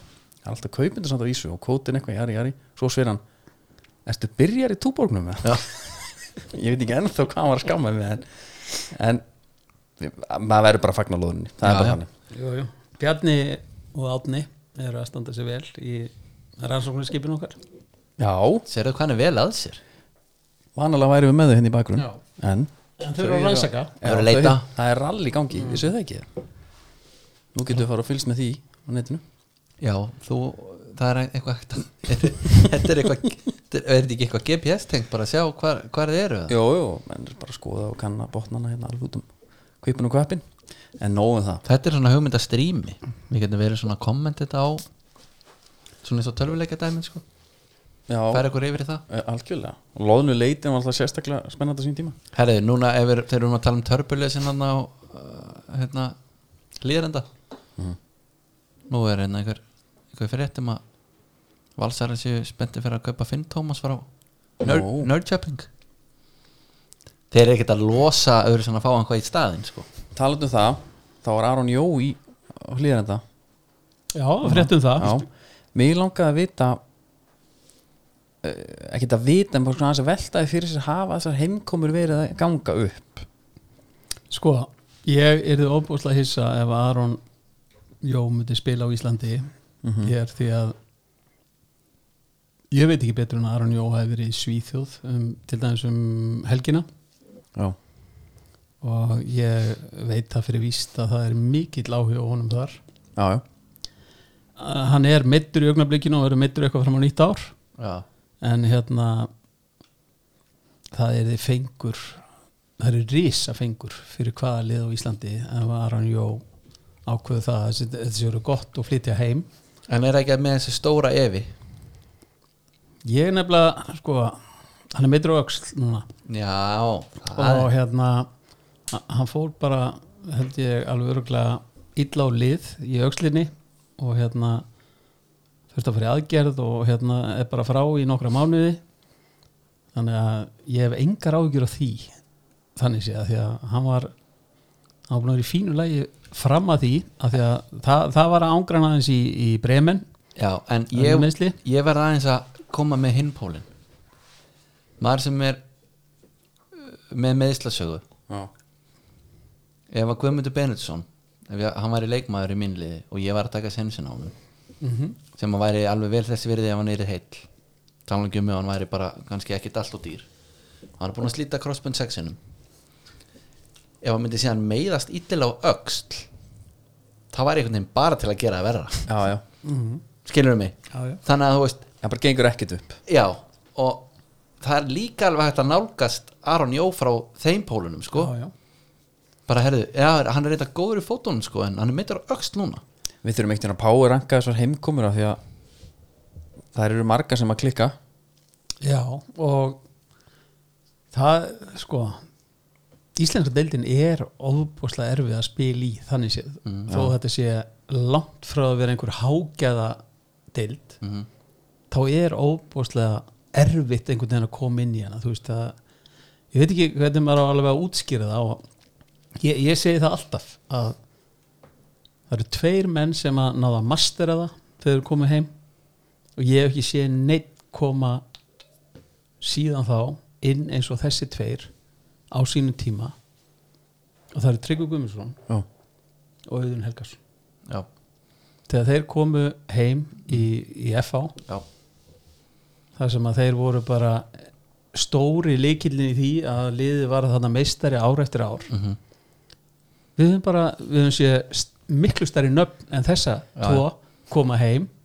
En þetta er bara, það er gríðarlega erfitt að koma heim og inn í íslensku dildina en Kári Átnar þetta fær mitt sjátt líka já, já, sannarlega, sannarlega.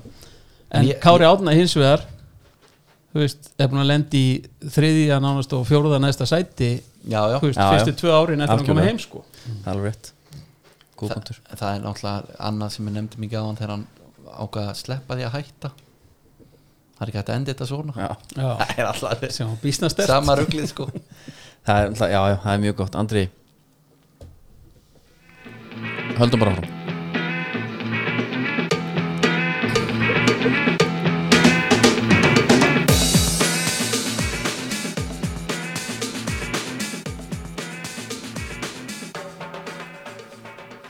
það kom á skóhóðnunu Já, og svona eiginlega sjaldan verið spenntari til að hérna, opna það. Voru við ekki einhvað að ræða að það er þið hérna ég bóði komdu með þetta skipti jú.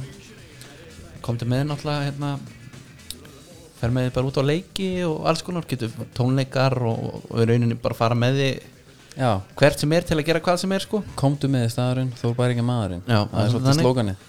Og ég sko geggjaði ná ekki? Villi var eiginlega svolítið harður þegar hann sko bætti við fréttan. Það ég er ekki með eina frétt. Ég ætlaði bara að spyrja þig um mig uh, á þínum ferli.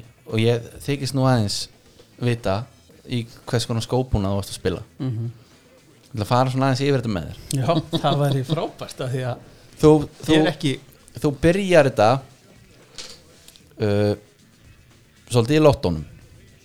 Þú ert í lottó hann í Þór já, og inn í já, einhverjum tíðumbúndi þar kemur nægin Eh, sko áður en að áður en að Nike kemur inn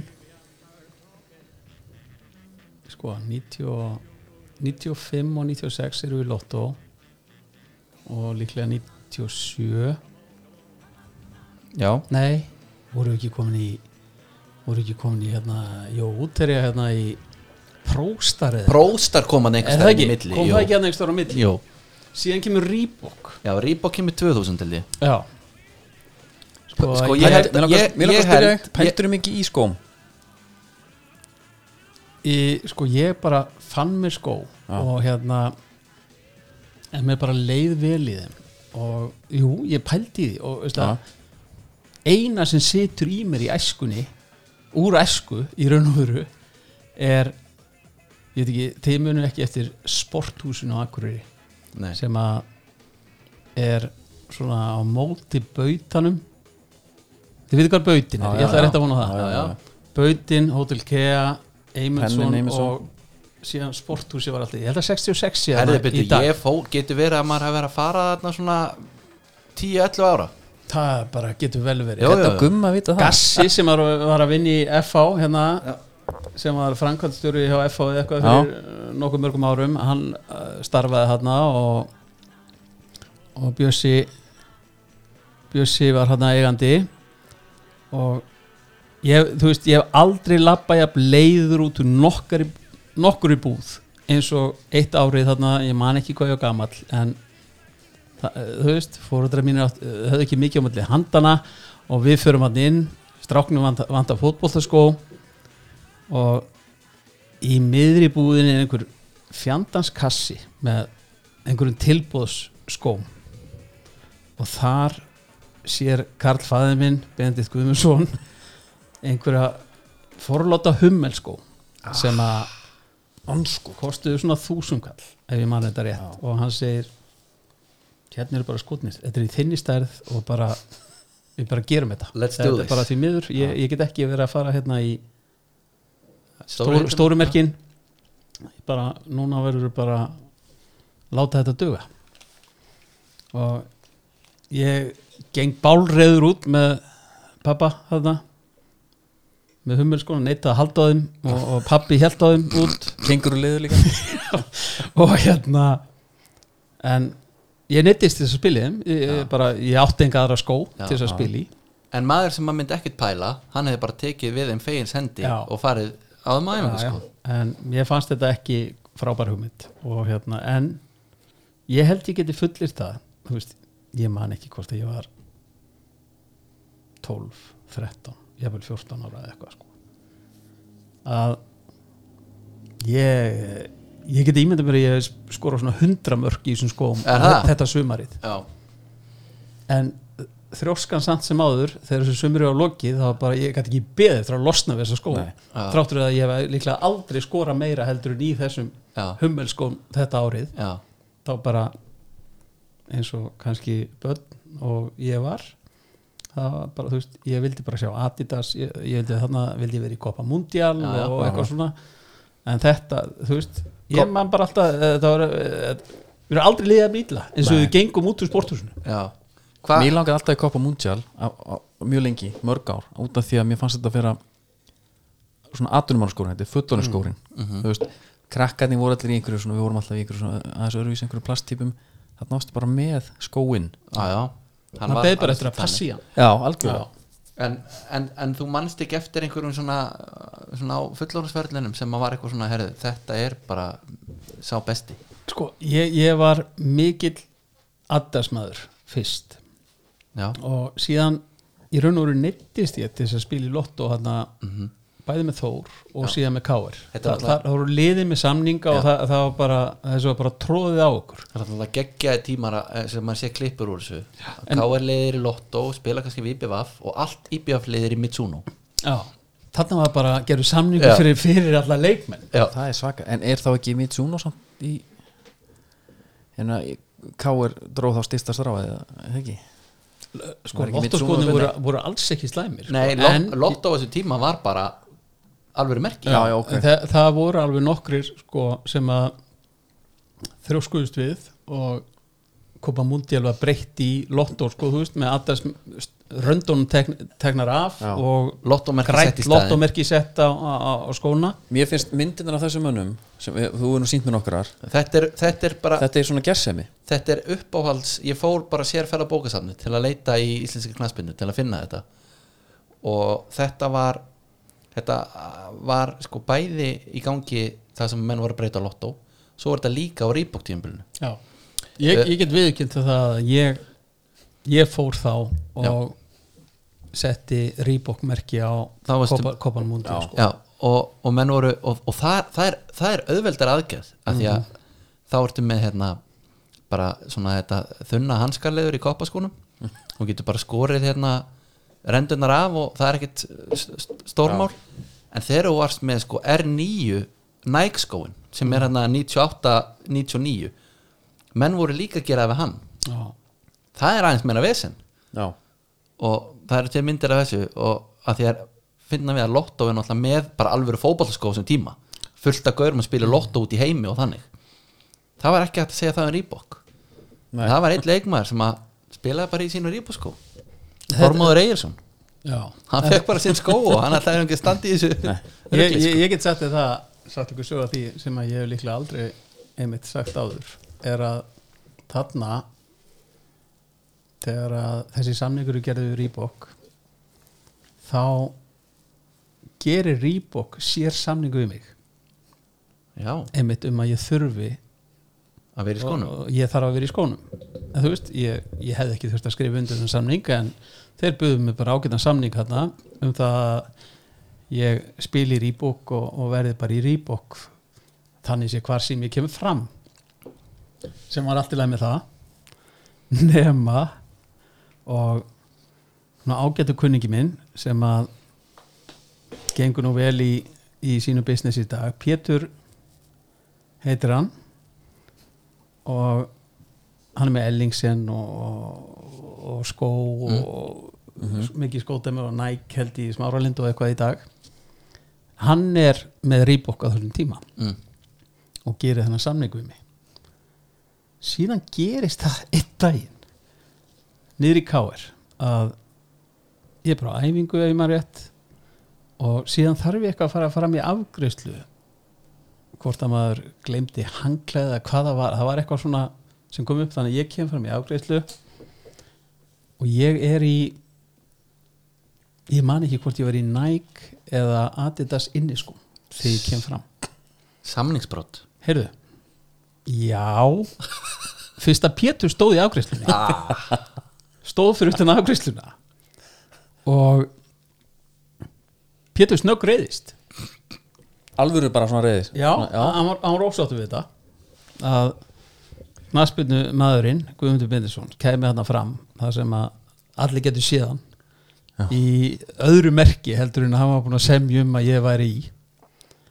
Og hérna en þú veist, það verður ekkert verður ekkert vesen Nei. í raun og þarna og ég fer bara aftur inn í klefa og fer í sturtu og fæ mitt hanglaði líklega. Ríbók hanglaði þá reyndar ekki. En nokkrum dögum síðar fæ ég lögfræðibrif nei. Frá mínu manni. Pétur, sem, þú veist sem ég þekki mjög vel í dag og hérna en byrju þekktur hann ekki vel á þessum tíma? Jó, jú, ég kann að, þú veist, við þekktumst alveg. Já. En ég fæ enga síður hérna lögfræðibrif Það sem að mér er hótað að hálfgeri málsó Brot á samningi og eitthvað svona, eitthvað vesen Sem að ég bara ákvaða fara með í lögfræðing minn og bara svara eitthvað. Ég man ekki hvernig við svöruðum eitthvað. Ég hef aldrei fengið inn í skó frá Reebok eða eitthvað Já, það, er reynda frábært svar. En það var einhvern veginn þannig sem að svari var ef ég man rétt. Og þetta mál var látið falla niður sem betur fer. Og samningurinn í leiðinu ég, ef ég man rétt þá fjall samningurinn niður líka. Já, þetta er þetta þetta, er hart. þetta er bara uppáhald saga sem ég fengi hérna í. þarna var bara að fara í hart 1 og 3 þetta er svo geðveitt sko. Það er eitthvað gamli skólin Þetta er líka- gamli skólin líka sko hann er, Guðmundur, að, hvað, í hver ertu? hann er að trítla hana ég, ég ætla svona að gefa mér max 10 metra. Ég ætla að gefa mig það að séu max svona max fjórir hérna á, á svæðinu. Á, leið, á, leið, leið Já, gumma það voru ekki margir á ferli, ég get alveg lofa ykkur. Pétur Haldursson, þú veist að hann bara, það fauk eitthvað í hann Já, og líka sko, maður velti fyrir sér ef þetta hefði verið hérna, ef þetta hefði verið kannski spító inniskór eitthvað Já, svona. já. líklega Það væri- verið slett saman já, þá var þetta jafnvel svona já, en gummi, slæta. þú mann samt er ég, þarf, að- ég, þarf, að- ég þarf að koma á því hérna Reebok töflum Já, sviðið að vera í einhverju alvöru. Já. einmitt. En, en hérna sko, ég veit ekki hvort að ég hafi búist við í svari en ég held jafnvel að Le Coq Sportif kemur en eitthvað við sögu. Já, þú þarft nú að segja Nú okkur ætla aðeins ég að frá halla því. mig bara aftur. Já ég, ég get sagt ykkur alveg sögu því því að fyrir þá sem Ég- að vita ekki það er bara vörumerki, franskt. Já. Og ég get sagt ykkur það að hlutinir æxluðust þannig. Ég var orðin starfsmæður sko ég, ég vann þegar ég var að spila með KR þá vann ég á stað sem að hét regattabúðin. Já, sem var nýr í Faxafinni mhm. Daniel Guðlöksson svonu Gulla í Karnabæ fyrir þá sem að þekkja hans tilbaka sko, Ok. sem var kongur tískunar á sínum tíma. Mm. Daniel er líklega einhver mesti káringur sem að hefur fæðst. Já. Þetta er Sindri Snær Jensson þessa tíma já, Við, við getum Já. alveg sagt það. Já, en Danni ræði mig í vinnu og fyrst og fremst að því að hann hafði svo gaman á fótbolta og vildi fá allt beint í æð bara þannig að við sátum inn á kaffistofu að fara yfir. Ég fá bara sögu já, og, já, og fara yfir, fara yfir málin. Og hérna ég er að vinna hjá Danna og hérna hínum með götuna er margt smátt. Guðmundur Magnússon fyrirvændi knarsbyndumöður sem lék með KR og hann lék með fylki og fleiri liðum sem var heimsins frægasti íslenski kúlupennasali bjóð til margt smátt stórveldi Já, já. já, og hérna hann ákveður að rá- ráða mér í vinnu.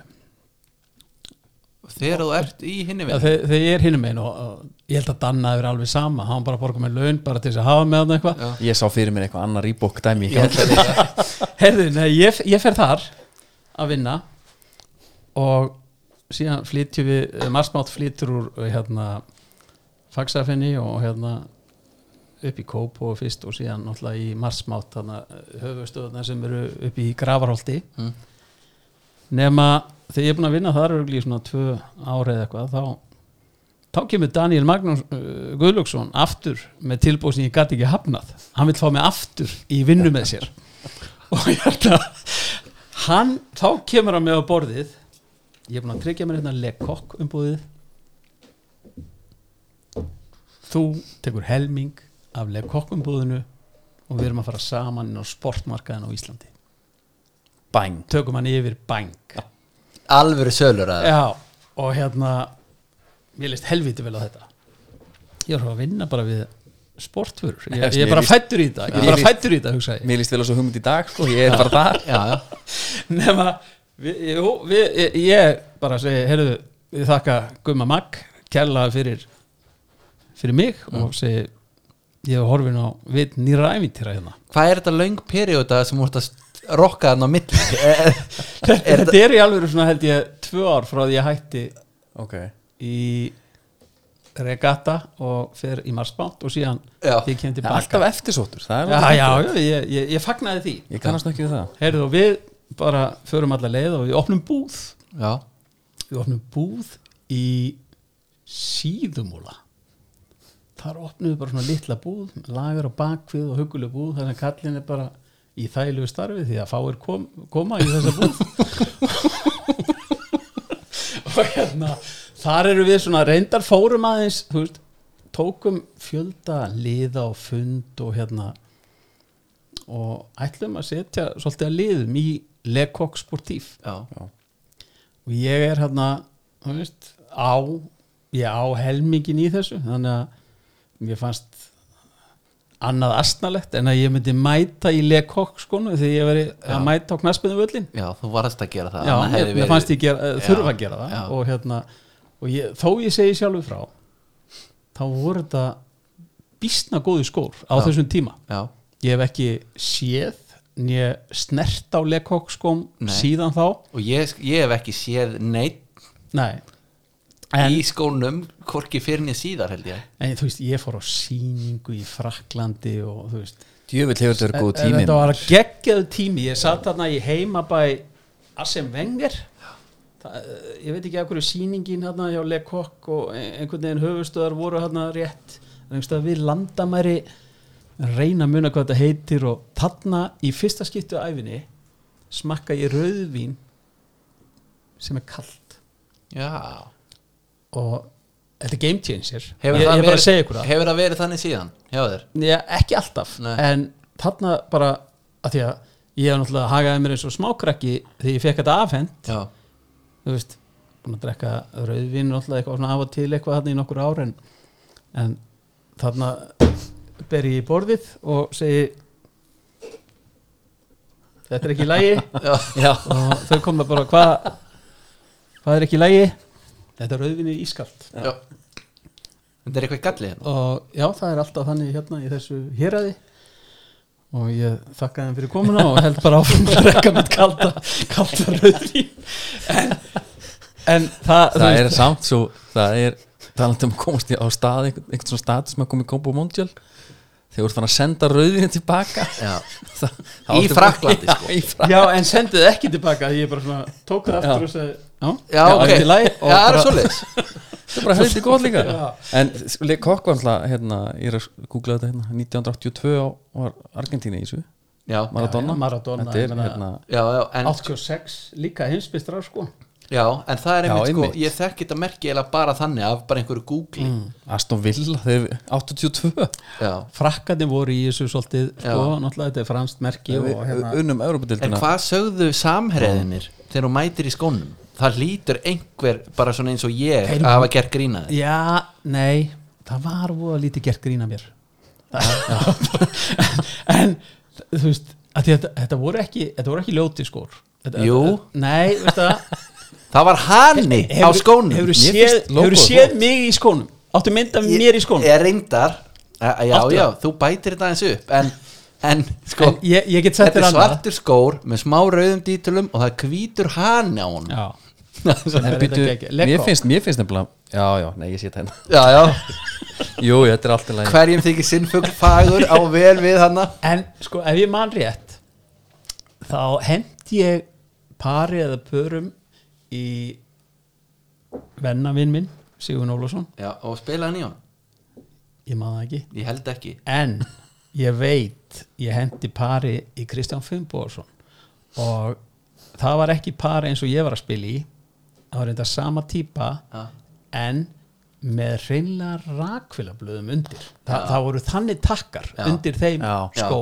Og ég segi Stjáni þetta er þetta, þetta þú. Það kemur engin nálægt. Nei, maður líka sé óþægilega og ég nefnilega held að Stjáni hafi verið í þeim eitthvað þetta tímabil sko. já, að ég sé þarf að- myndir að stjána með sko hnið sko, hann er að stökku upp og hann er með takkan í bara mm. augnhæð með rakvilablöðum Já. bara hérna og þú ferð ekkert nálægt honum nei, nei. En það er nefnilega líðrætt líka þegar maður sér bara hérna, uh, það var eins og World Cup takkarnir og þetta voru ekki nóg þeir eru búin að skipta Já, já. fá eitthvað kvassari já, þetta voru eitthvað bara eitthvað á stálsmiðinni rúbítakkar, þetta var eitthvað hérna bara afi minni stálsmiður og hann græja þess að takka henn undir fyrir mig við rendum þetta hérna í saman.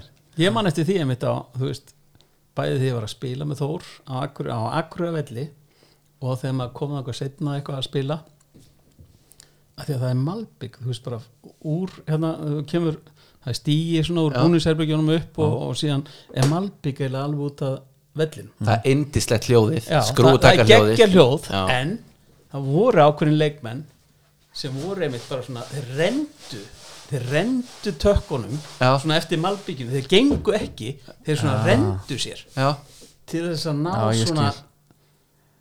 þannig að það væri líklega um til skeringu voru þeir að brína þeir það voru bara? að brína takkana nefnilega á leiðin út. Býtu, þeir svona rendu sér einhvern veginn æ, ég held ég væri komið sound effect hérna. Nei. Það er YouTube hérna Footsteps on Concrete Boot Sound Effect Það er ekki sem nefnt að hafa fyrir þessu þetta var líka svona út á golfvelli sko þegar hérna þegar sá golf hérna sóli var í bóði með litlu göttunum það var svona, Já, já, já. þetta er svona stíga í nýfallin snjó hérna einhvern veginn Þe- Þetta var í alvöru hljóð sem að kveikt í mér Já. þegar leikmenn voru að lappa út Já. á skrúutökum þarna yfir malbyggið Þetta er bara já, þú veist svona getting ready for battle dæmi. En þú sér ég vissi það við vorum, þetta, þetta skóhótt var að fara að vera í lengra lægi sko. Og það er ekki búið. Ég er ekki að, ég er ekki að drífa mig neitt sko. Nei, ég, bara, ekki ég heldur. Ég ætla að opna mér þetta eftir smá aftur. að þú, þú spurði mig áðan um uppáhaldskoðu minn. Og sko í minninu þráttur að ég- er gríðalugur nægmaður þá var leið mér ótrúlega vel í Predator. Það er vals svona svolítið. Já, og, og, og líka, jú, einhver partur af í KR tímanum. Það, það var einhvern veginn veist, hvítur og svartir reyndar. Þáttur að vera sami skórin og leið mér alltaf best í svörtum skóm. Er það? já, ég veit ekki ekkur ég, ég neittist kann- þess að vera í hvítum og eitthvað Já. svona. En svart, í svörtum skó leið mér alltaf best. Mér fannst val, Valur þegar var var í Puma Mhm. Var það ekki Puma skór? Akkur tengi það svo stærst við? Jú, þeir voru margir Puma. Bjössi Reyðas var oft í Puma var- það var reynd Já, einhvern veginn En- að fara en- aftur. Já, en það var, en það var reyndar líka svolítið fallegu búningur. Já og þá var sko þá, hérna, þannig tölum um holdafar og svona. Þú, komið, þú varst ekki þú varst ekki að léttur á þér Nei, á valstíðinbylunu af því að það á þessum tíma var þetta svolítið aðsniðið Puma-búningurinn, vals Alltaf þarf að fytusmetta samt. Hjóli mannin veginn. Nei, nei, Nei, nei, þetta er alveg rétt. en af því að það var bara öðru sér sniðana og af því að þetta er svo snemma. Já, það var komið þarna, já, aðsniðið eitthvað dæmi og þetta var ekki gott fyrir svona, þá sem voru á síðastu metrunum. Nei. Að það, það er einhvern veginn erfiðara að halda þér slim og, og hérna ég ég kunni aldrei vel við þetta snið. Nei það er ekki Ég sko Ég, ég hef nú sagt frá því áður Leikum sem átt að vera minn fyrst í, í á meistarfólksvelli var með íhá. Fór út í grundaferðar Og maður bánsi að þjálfa og ringdi mig hvort ég kem ekki. Jú, ég held það nú. Ekki frí í vinnu og allt. Keirða grundaferð og ég var maður alltaf svo rugglar, ég held bara að þetta væri já, já. Ég set hann, eða þú veist, ef hann setja mig fram þá skóra ég, er bara þannig. Svo eru komnir og ég byrjar að græja mig og ég er náttúrulega nýr hérna þannig, það er allir bara búin að vera að mæta æfingar og svona og þannig að ég fæ bara síðasta búningin hann er bara í medium og ég tók hann og segi, ómar, ég spil ekki mín og þessu líka er þetta var eins og spennitrið sko. ég hef ekki bara ég væri orðin eitthvað svona mím á netun ef ég kom inn það hefði einhver tekið mynd af því sko. Er eitthvað sendi lík Já. bara dæmi sjáum við þennan maður. Á, þetta er svo búningar umræðan er góð það er eitthvað sem við hefum, við hefum ekkert snert mikið á því búningar í Íslandi. En það er hérna, samt mjög áhört Við erum með mann í setti sem að tók þátt í sko, fárunu sem að varði í Vesturbænum þegar að rendurnar fóru af búningnum hana, með komur í bók Já. Ég man eftir að það var allt vittlust já, það var ekki almenn ánægja. Nei, þetta þótti djarft.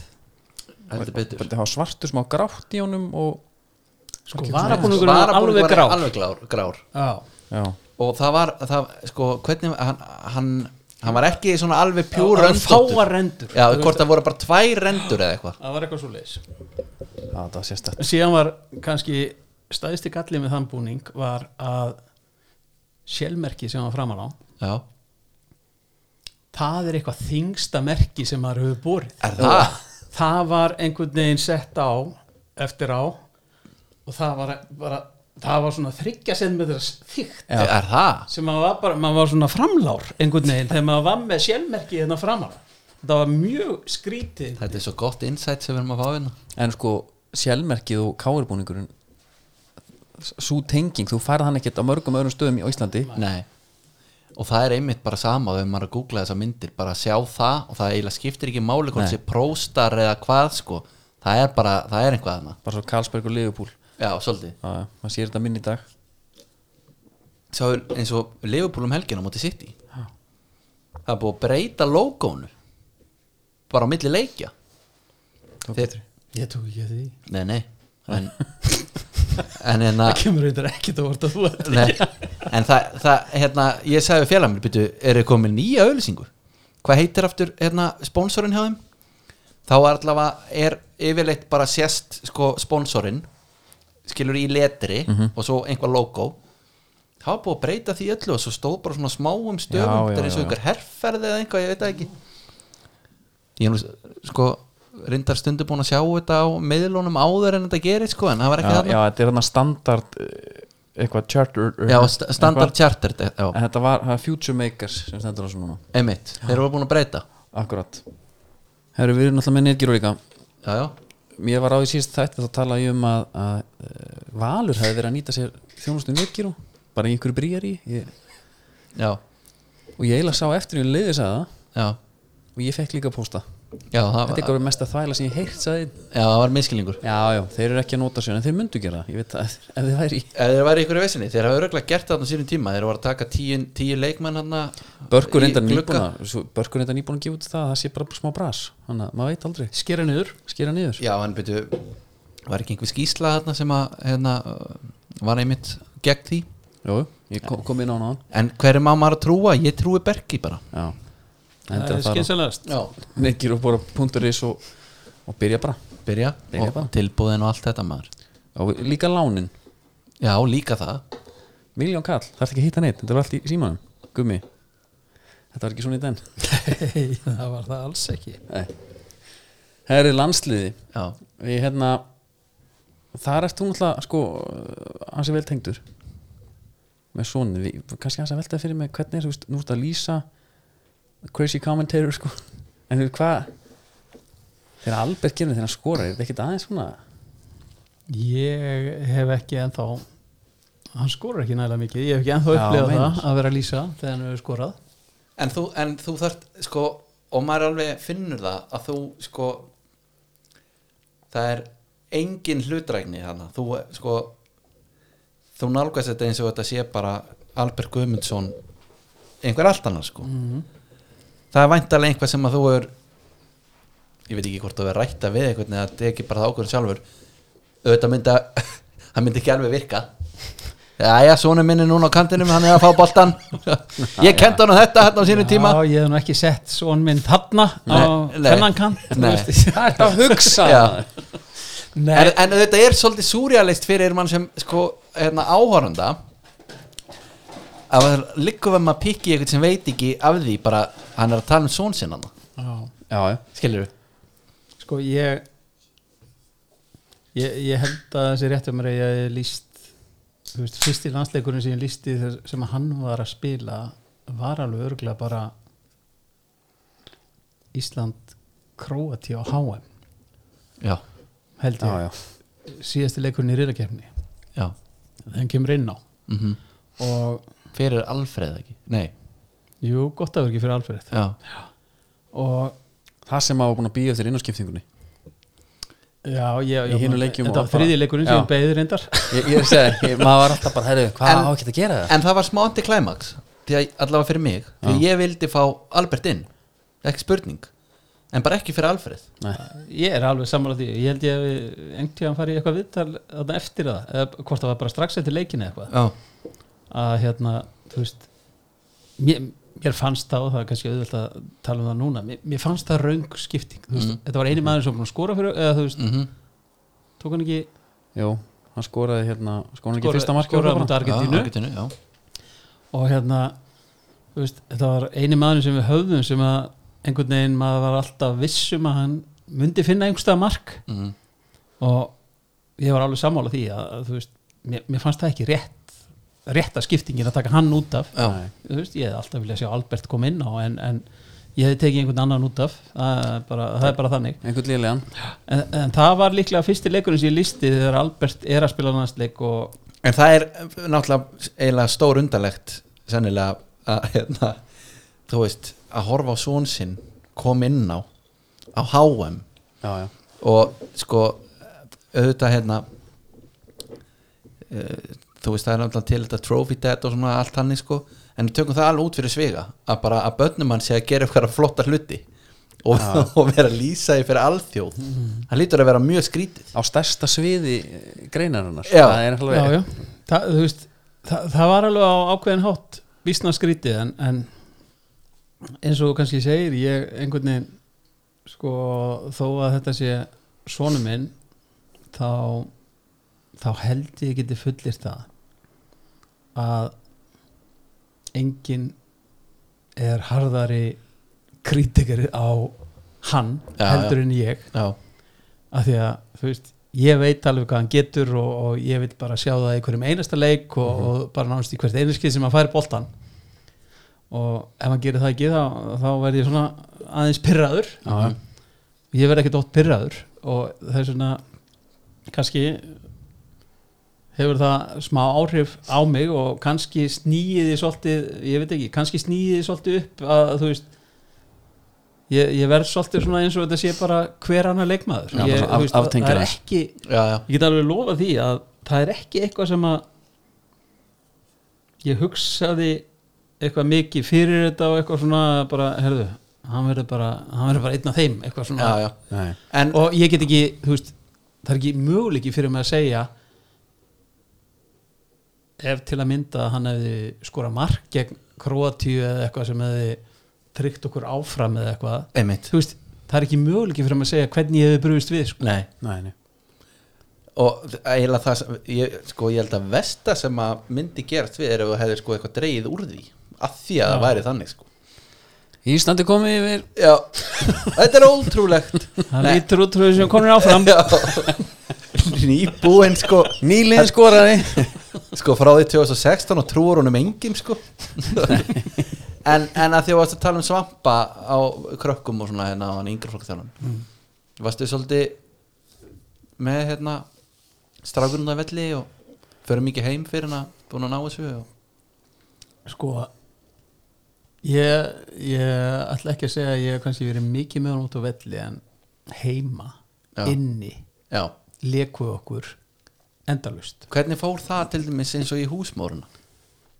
sko ég held að það verið síðast núna fyrir þremu dögum þegar hún sagði að því að ég og yngsta vorum eitthvað svona aðeins og að sparka inni eitthvað heima og, og ég sagði eitthvað "Eh, nei, passaði ekki svona hátt eitthvað Já, og þá kom frá grísum minni manstu hvað þú sagðir alltaf við mig þegar þú varst að gera þetta með Alberti og ég segi, nei.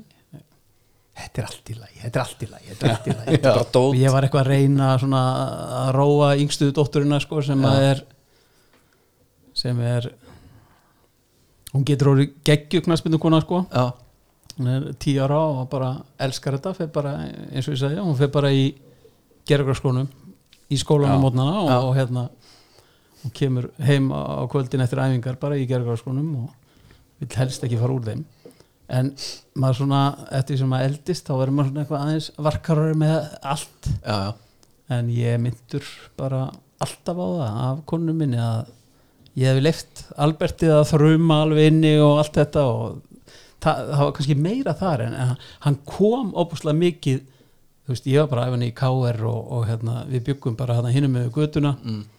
Kaplaksfjöldsvegi og hann kom ótrúlega oft með á, á æfingar og bara var að fylgjast með og já. leika sér já. eitthvað svona og ég ég hef ekki hugmynd um hvort ég hef sagt frá því um tjena en eins og mörg börn þá þá átt hann Playstation Mm.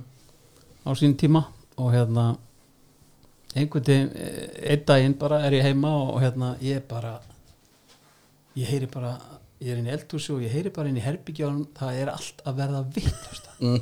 hann er trilltur og það er bara allt að vera vittlust og ég bara ég rík niður og ég bara inn í herbyggju og bara hvað er að gerast hérna? Þá kemur í ljós að það er hálfleikur í FIFA og hann er villum. Nei, og hann er trilltur. Mættur ha? hann var náttúrulega búin að vera á öllum æfingunum. Hann er að lesa yfir leik já, hann var að láta alla heyra og það voru engin smá læti sko. þetta er eitthvað sem maður þurfti að fara að taka upp Þetta er sko lifa sér alveg inn í þetta En hann var náttúrulega bara búin að, búin að allast já. upp við þetta Já. að Viljum var að þjálfa þarna og ef að Viljum var ósáttur Já. þá bara leta hann heyri í sér Já. og þarna bara var hann ósáttur í hálfleik í FIFA Við leikmennina og Þetta leta er- á alla heyra það sko. Þetta er alltaf svo gott sko Við, við hérna Það var nú nágræni minn hérna í gamla dag Mástu, hann var eitt sko já, já, já, já, já. Og pappi alltaf kom um Hvað er í gangi núna? Það var hann eitt fyrir utan. Verið velkomin á Úrstættaleik Lýst í Já, leiknum. lýsa, Hann var sjálfur að spila. Crazy commentator. Og það sem að Liverpool United mætast fyrir leik þá tryggði Liverpool sér þjónustu Rivaldo. Það var alltaf Rivaldo kom. Já. en svo var líka Rikki Daða komið og Rikki Daða og alltaf kvöld eftir kvöld skoraði Rikki Daða á síðustu mínútu þetta er svo það er gott að vera hérna geta Já. haldið í badnið sko, Já. er ekki hérna of En en, þannig var ég, þú veist, ég, ég var alveg nema Rikki var ekki þarna og, og Rívaldo þannig sé ekki heldur Þe- þegar ég var ungu strákur þú veist, að því að maður bara maður bara hérna í skólanum maður bara ekki með símarreitar Nei. en þú veist, maður var með úr og eitthvað bara svona, eða ekki vera búið, eða ekki vera búið. Já, já. og þá var hann bara út á völl og maður var í fótbolta.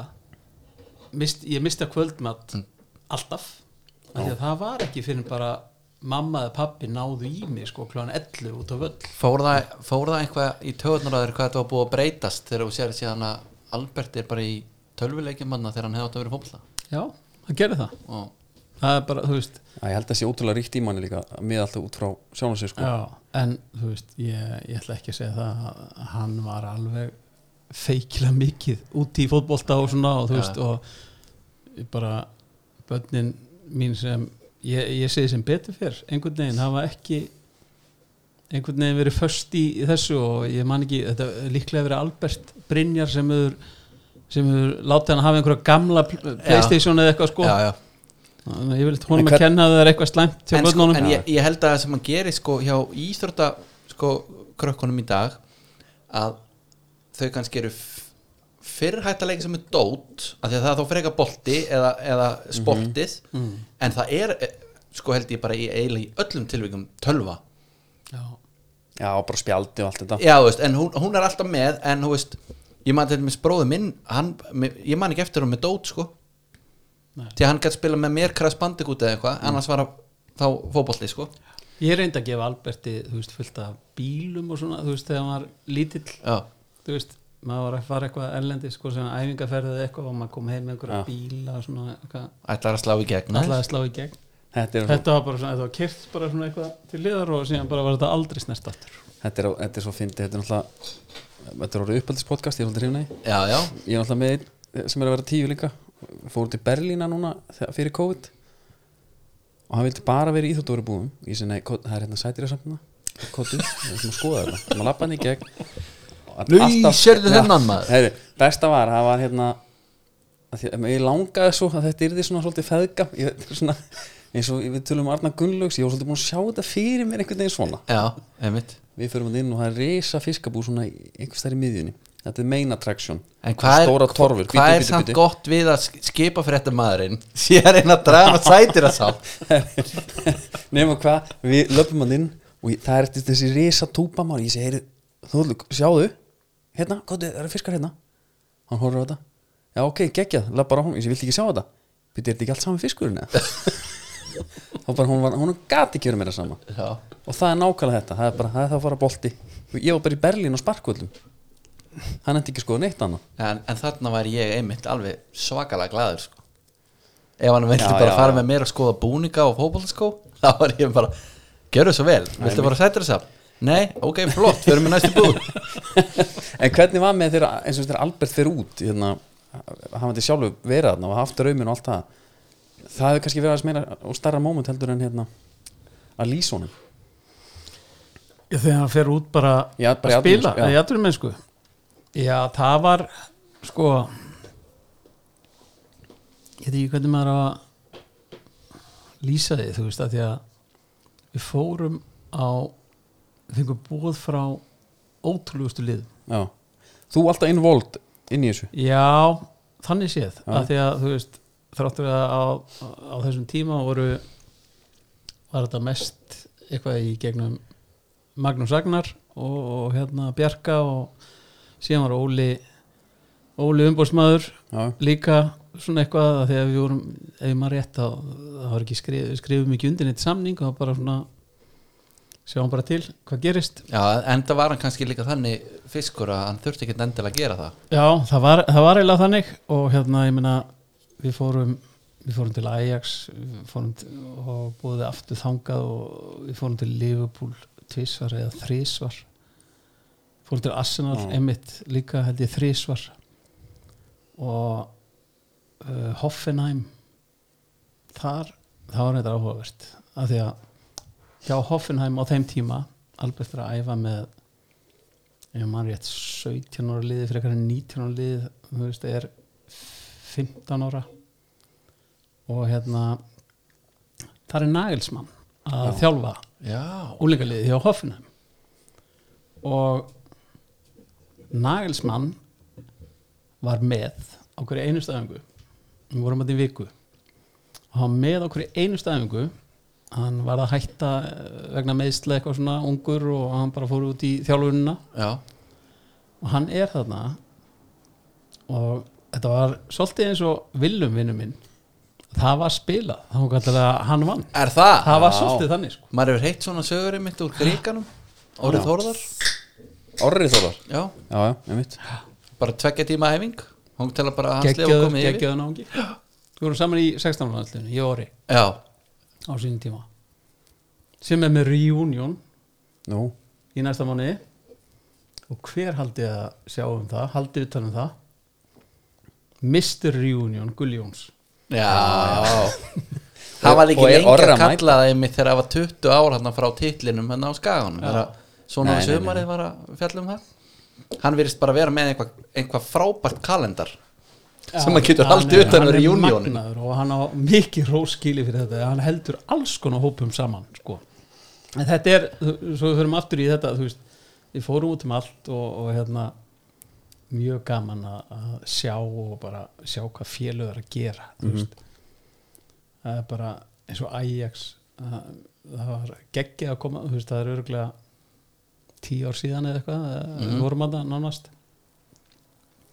Ajax, þú veist á æfingavellinu með Ajax það sem voru að æfa það var bara, þú veist það var bara vera að sína í vídeo eftir æfingu og bara, akkur settur hún ekki fyrir? Þú varst inn út á herri kanti í fyrirgjáðstöðu, akkur settur hún ekki fyrir? Já, bara verið að greina. það var bara greina allt og bara, já, það var enginn inn í uh, býtu það var bara 3D hérna mynd, myndavælinn færð bara hérna, við hliðinaður og nákvæmlega eins og þú verður að horfa og hvað með þennan, þennan og þennan sem er að kera hérna inn á tegin og ég sá það ekki. Þannig að þetta er ekki satt hjá Já, þér. ok. það hefur ekki verið neitt inn í sko, þarna eru þeir komnir bara.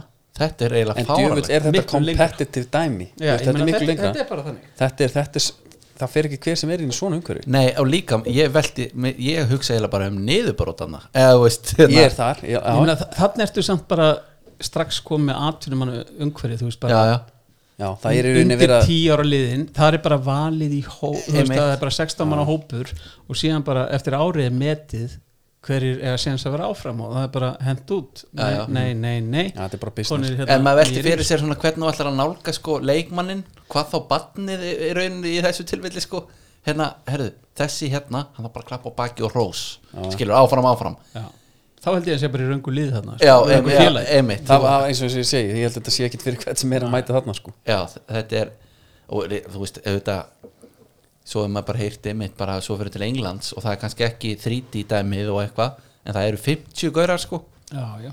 og, Já, já, og þá er þetta einhvern veginn ef þú eh, survive the fittest sko, það er bara eitthvað svona Nei, líka þetta er survivor þáttur sko. Þetta er ég held að líka þessi ekki alveg tveir gæjar núna að því að við fórum nú nokkuð fórum að þrísa til Arsenal og þú veist það var, það var gríðalegur áhugi frá þeim á þeim tíma og ég er að reyna að muna hver hinn er en Maitland Niles já, er hinn. Það voru tveir hana sem voru í þessu liði sem Albert spilaði með í þessi öll skipti sem hann kom hana og veist, þetta er bara þetta eru tveir gæjar sem koma upp úr þessu. Já, einir eru vonandi einhvers staðar að spila einhvers staðar Mhm. en veist, þeir eru ekki nálagt úrvalsteytinni eða eitthvað þess áttar sko. Og það, þetta er einmitt þú veist, púljan er svo stór hana Mhm. að það eru bara þú veist, og ef þeir ná bara einum upp þá er það bara frábært, finnst þeim sko. já, já svo er bara kaupa og selja. Og svo er það líka náttúrulega ekki þannig að þú ert að koma á reynslu og, og það er allir, herru, geggjað er Íslendingur mættur? Þess, þetta er hérna, þú vilt helst ekkit fá hana ég held ekki að þetta náðu vel við þennan en það, er- þú veist, það er líka samt áhugavert líka einmitt að því að þú kemur á reynslu þarna allavega á þeim tíma spilu spilaði nokkra leiki og svona alltaf í hverju feð, tvo, tvo leiki kannski. Þá kemur alltaf leikskísla fyrir leik, bara svona hverju er að spila.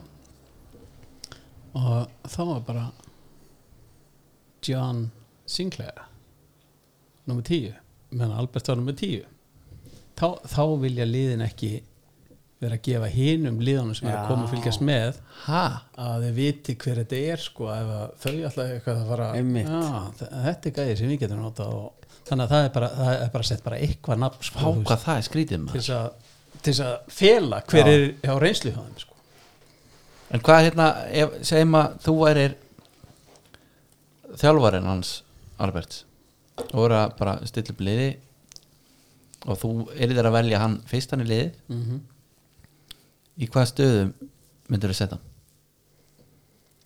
ég myndi alltaf setja hann í stöðu sem fremsti miðmaður. Já,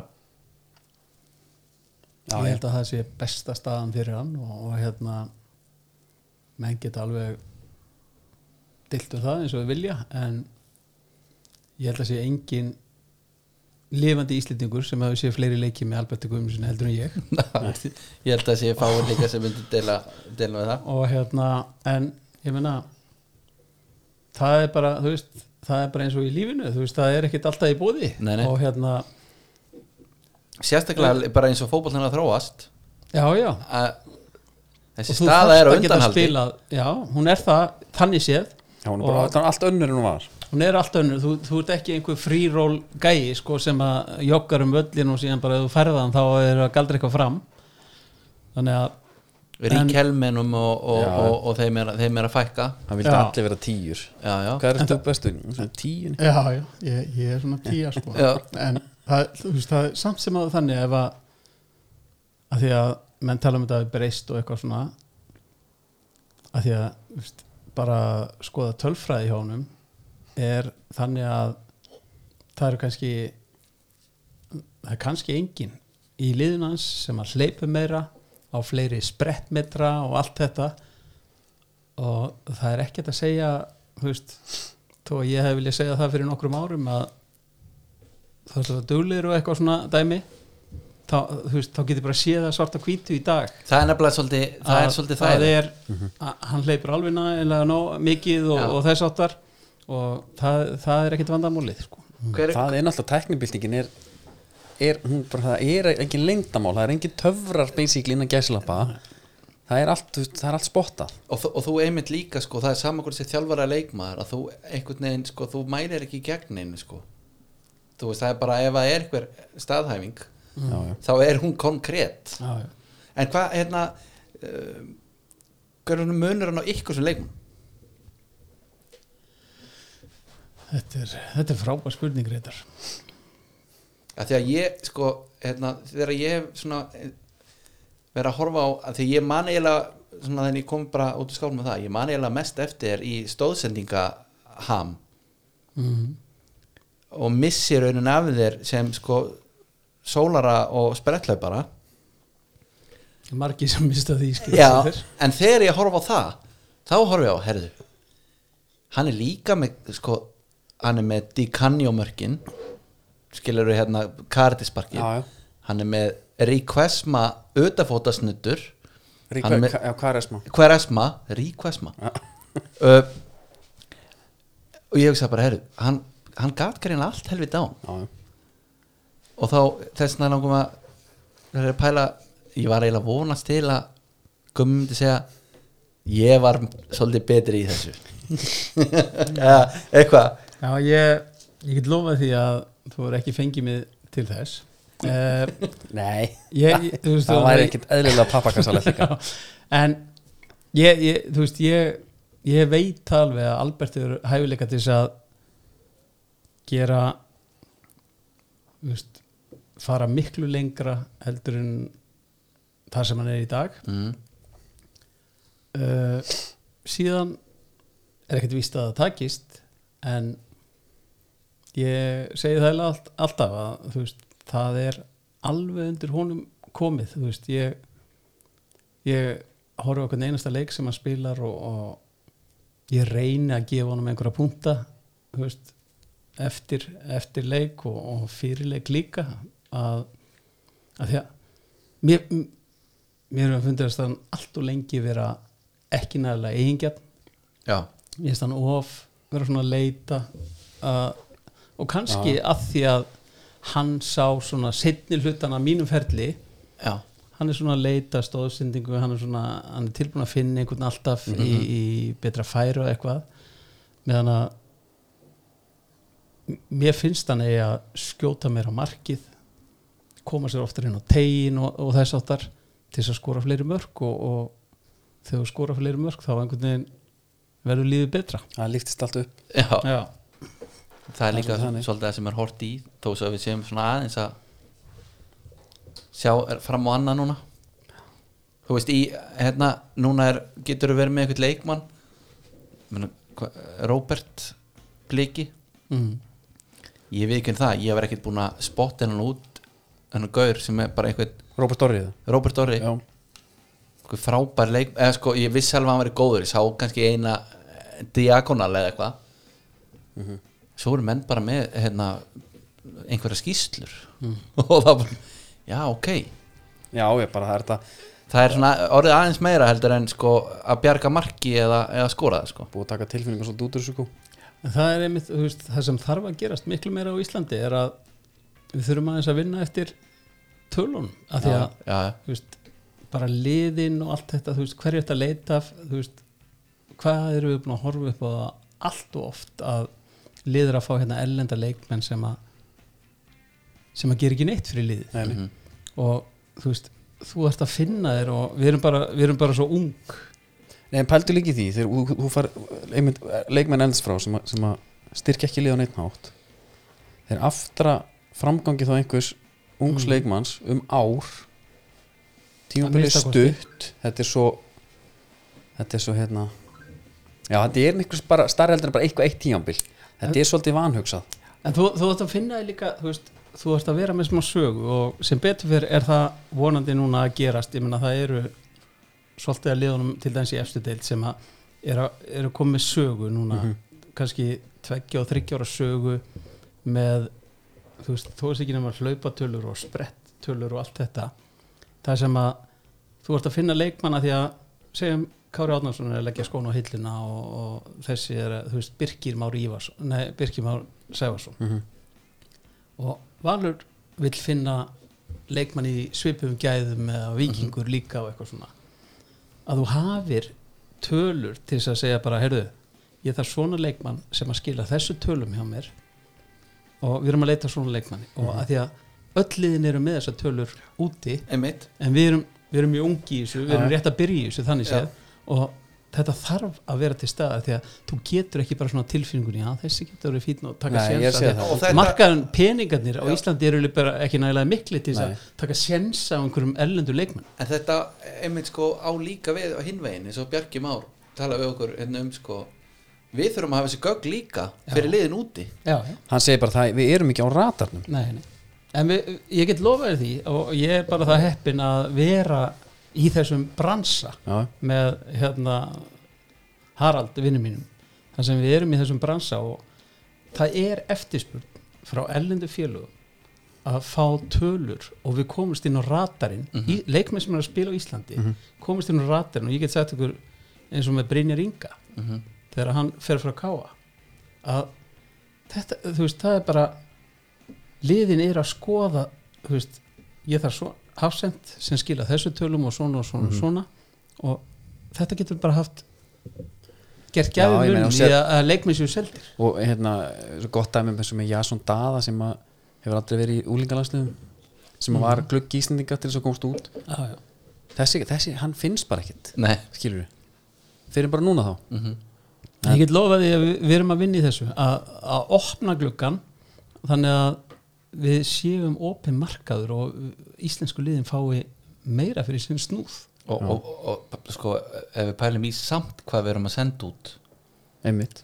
hvað þetta getið já. gert eiginlega styrlaða hluti sko. Og líka í þessa yngri flokka sko. þar. við þurfum bara líka að herra verð fyrir leikmennina. Já, meiri tekjur meiri money. Herru, gummi, við bara gummi ég þakka þau kjalla fyrir komuna. Erum við hættir? Já, ég er búin að spila átrúlega núna í þriðaskipti Viltu, varstu með eitthvað meira? nei, svo sem ekki. Ég er góður, bara heiður Já. að fá að vera hér já hér var náttúrulega miklu meiri eh, okkar megin. Við sjáumst bara og heyrumst kannski aðalega já, ég nenni ekki að fara í TV alveg strax nei, sleppi ég bara. Þá til næst góða stundir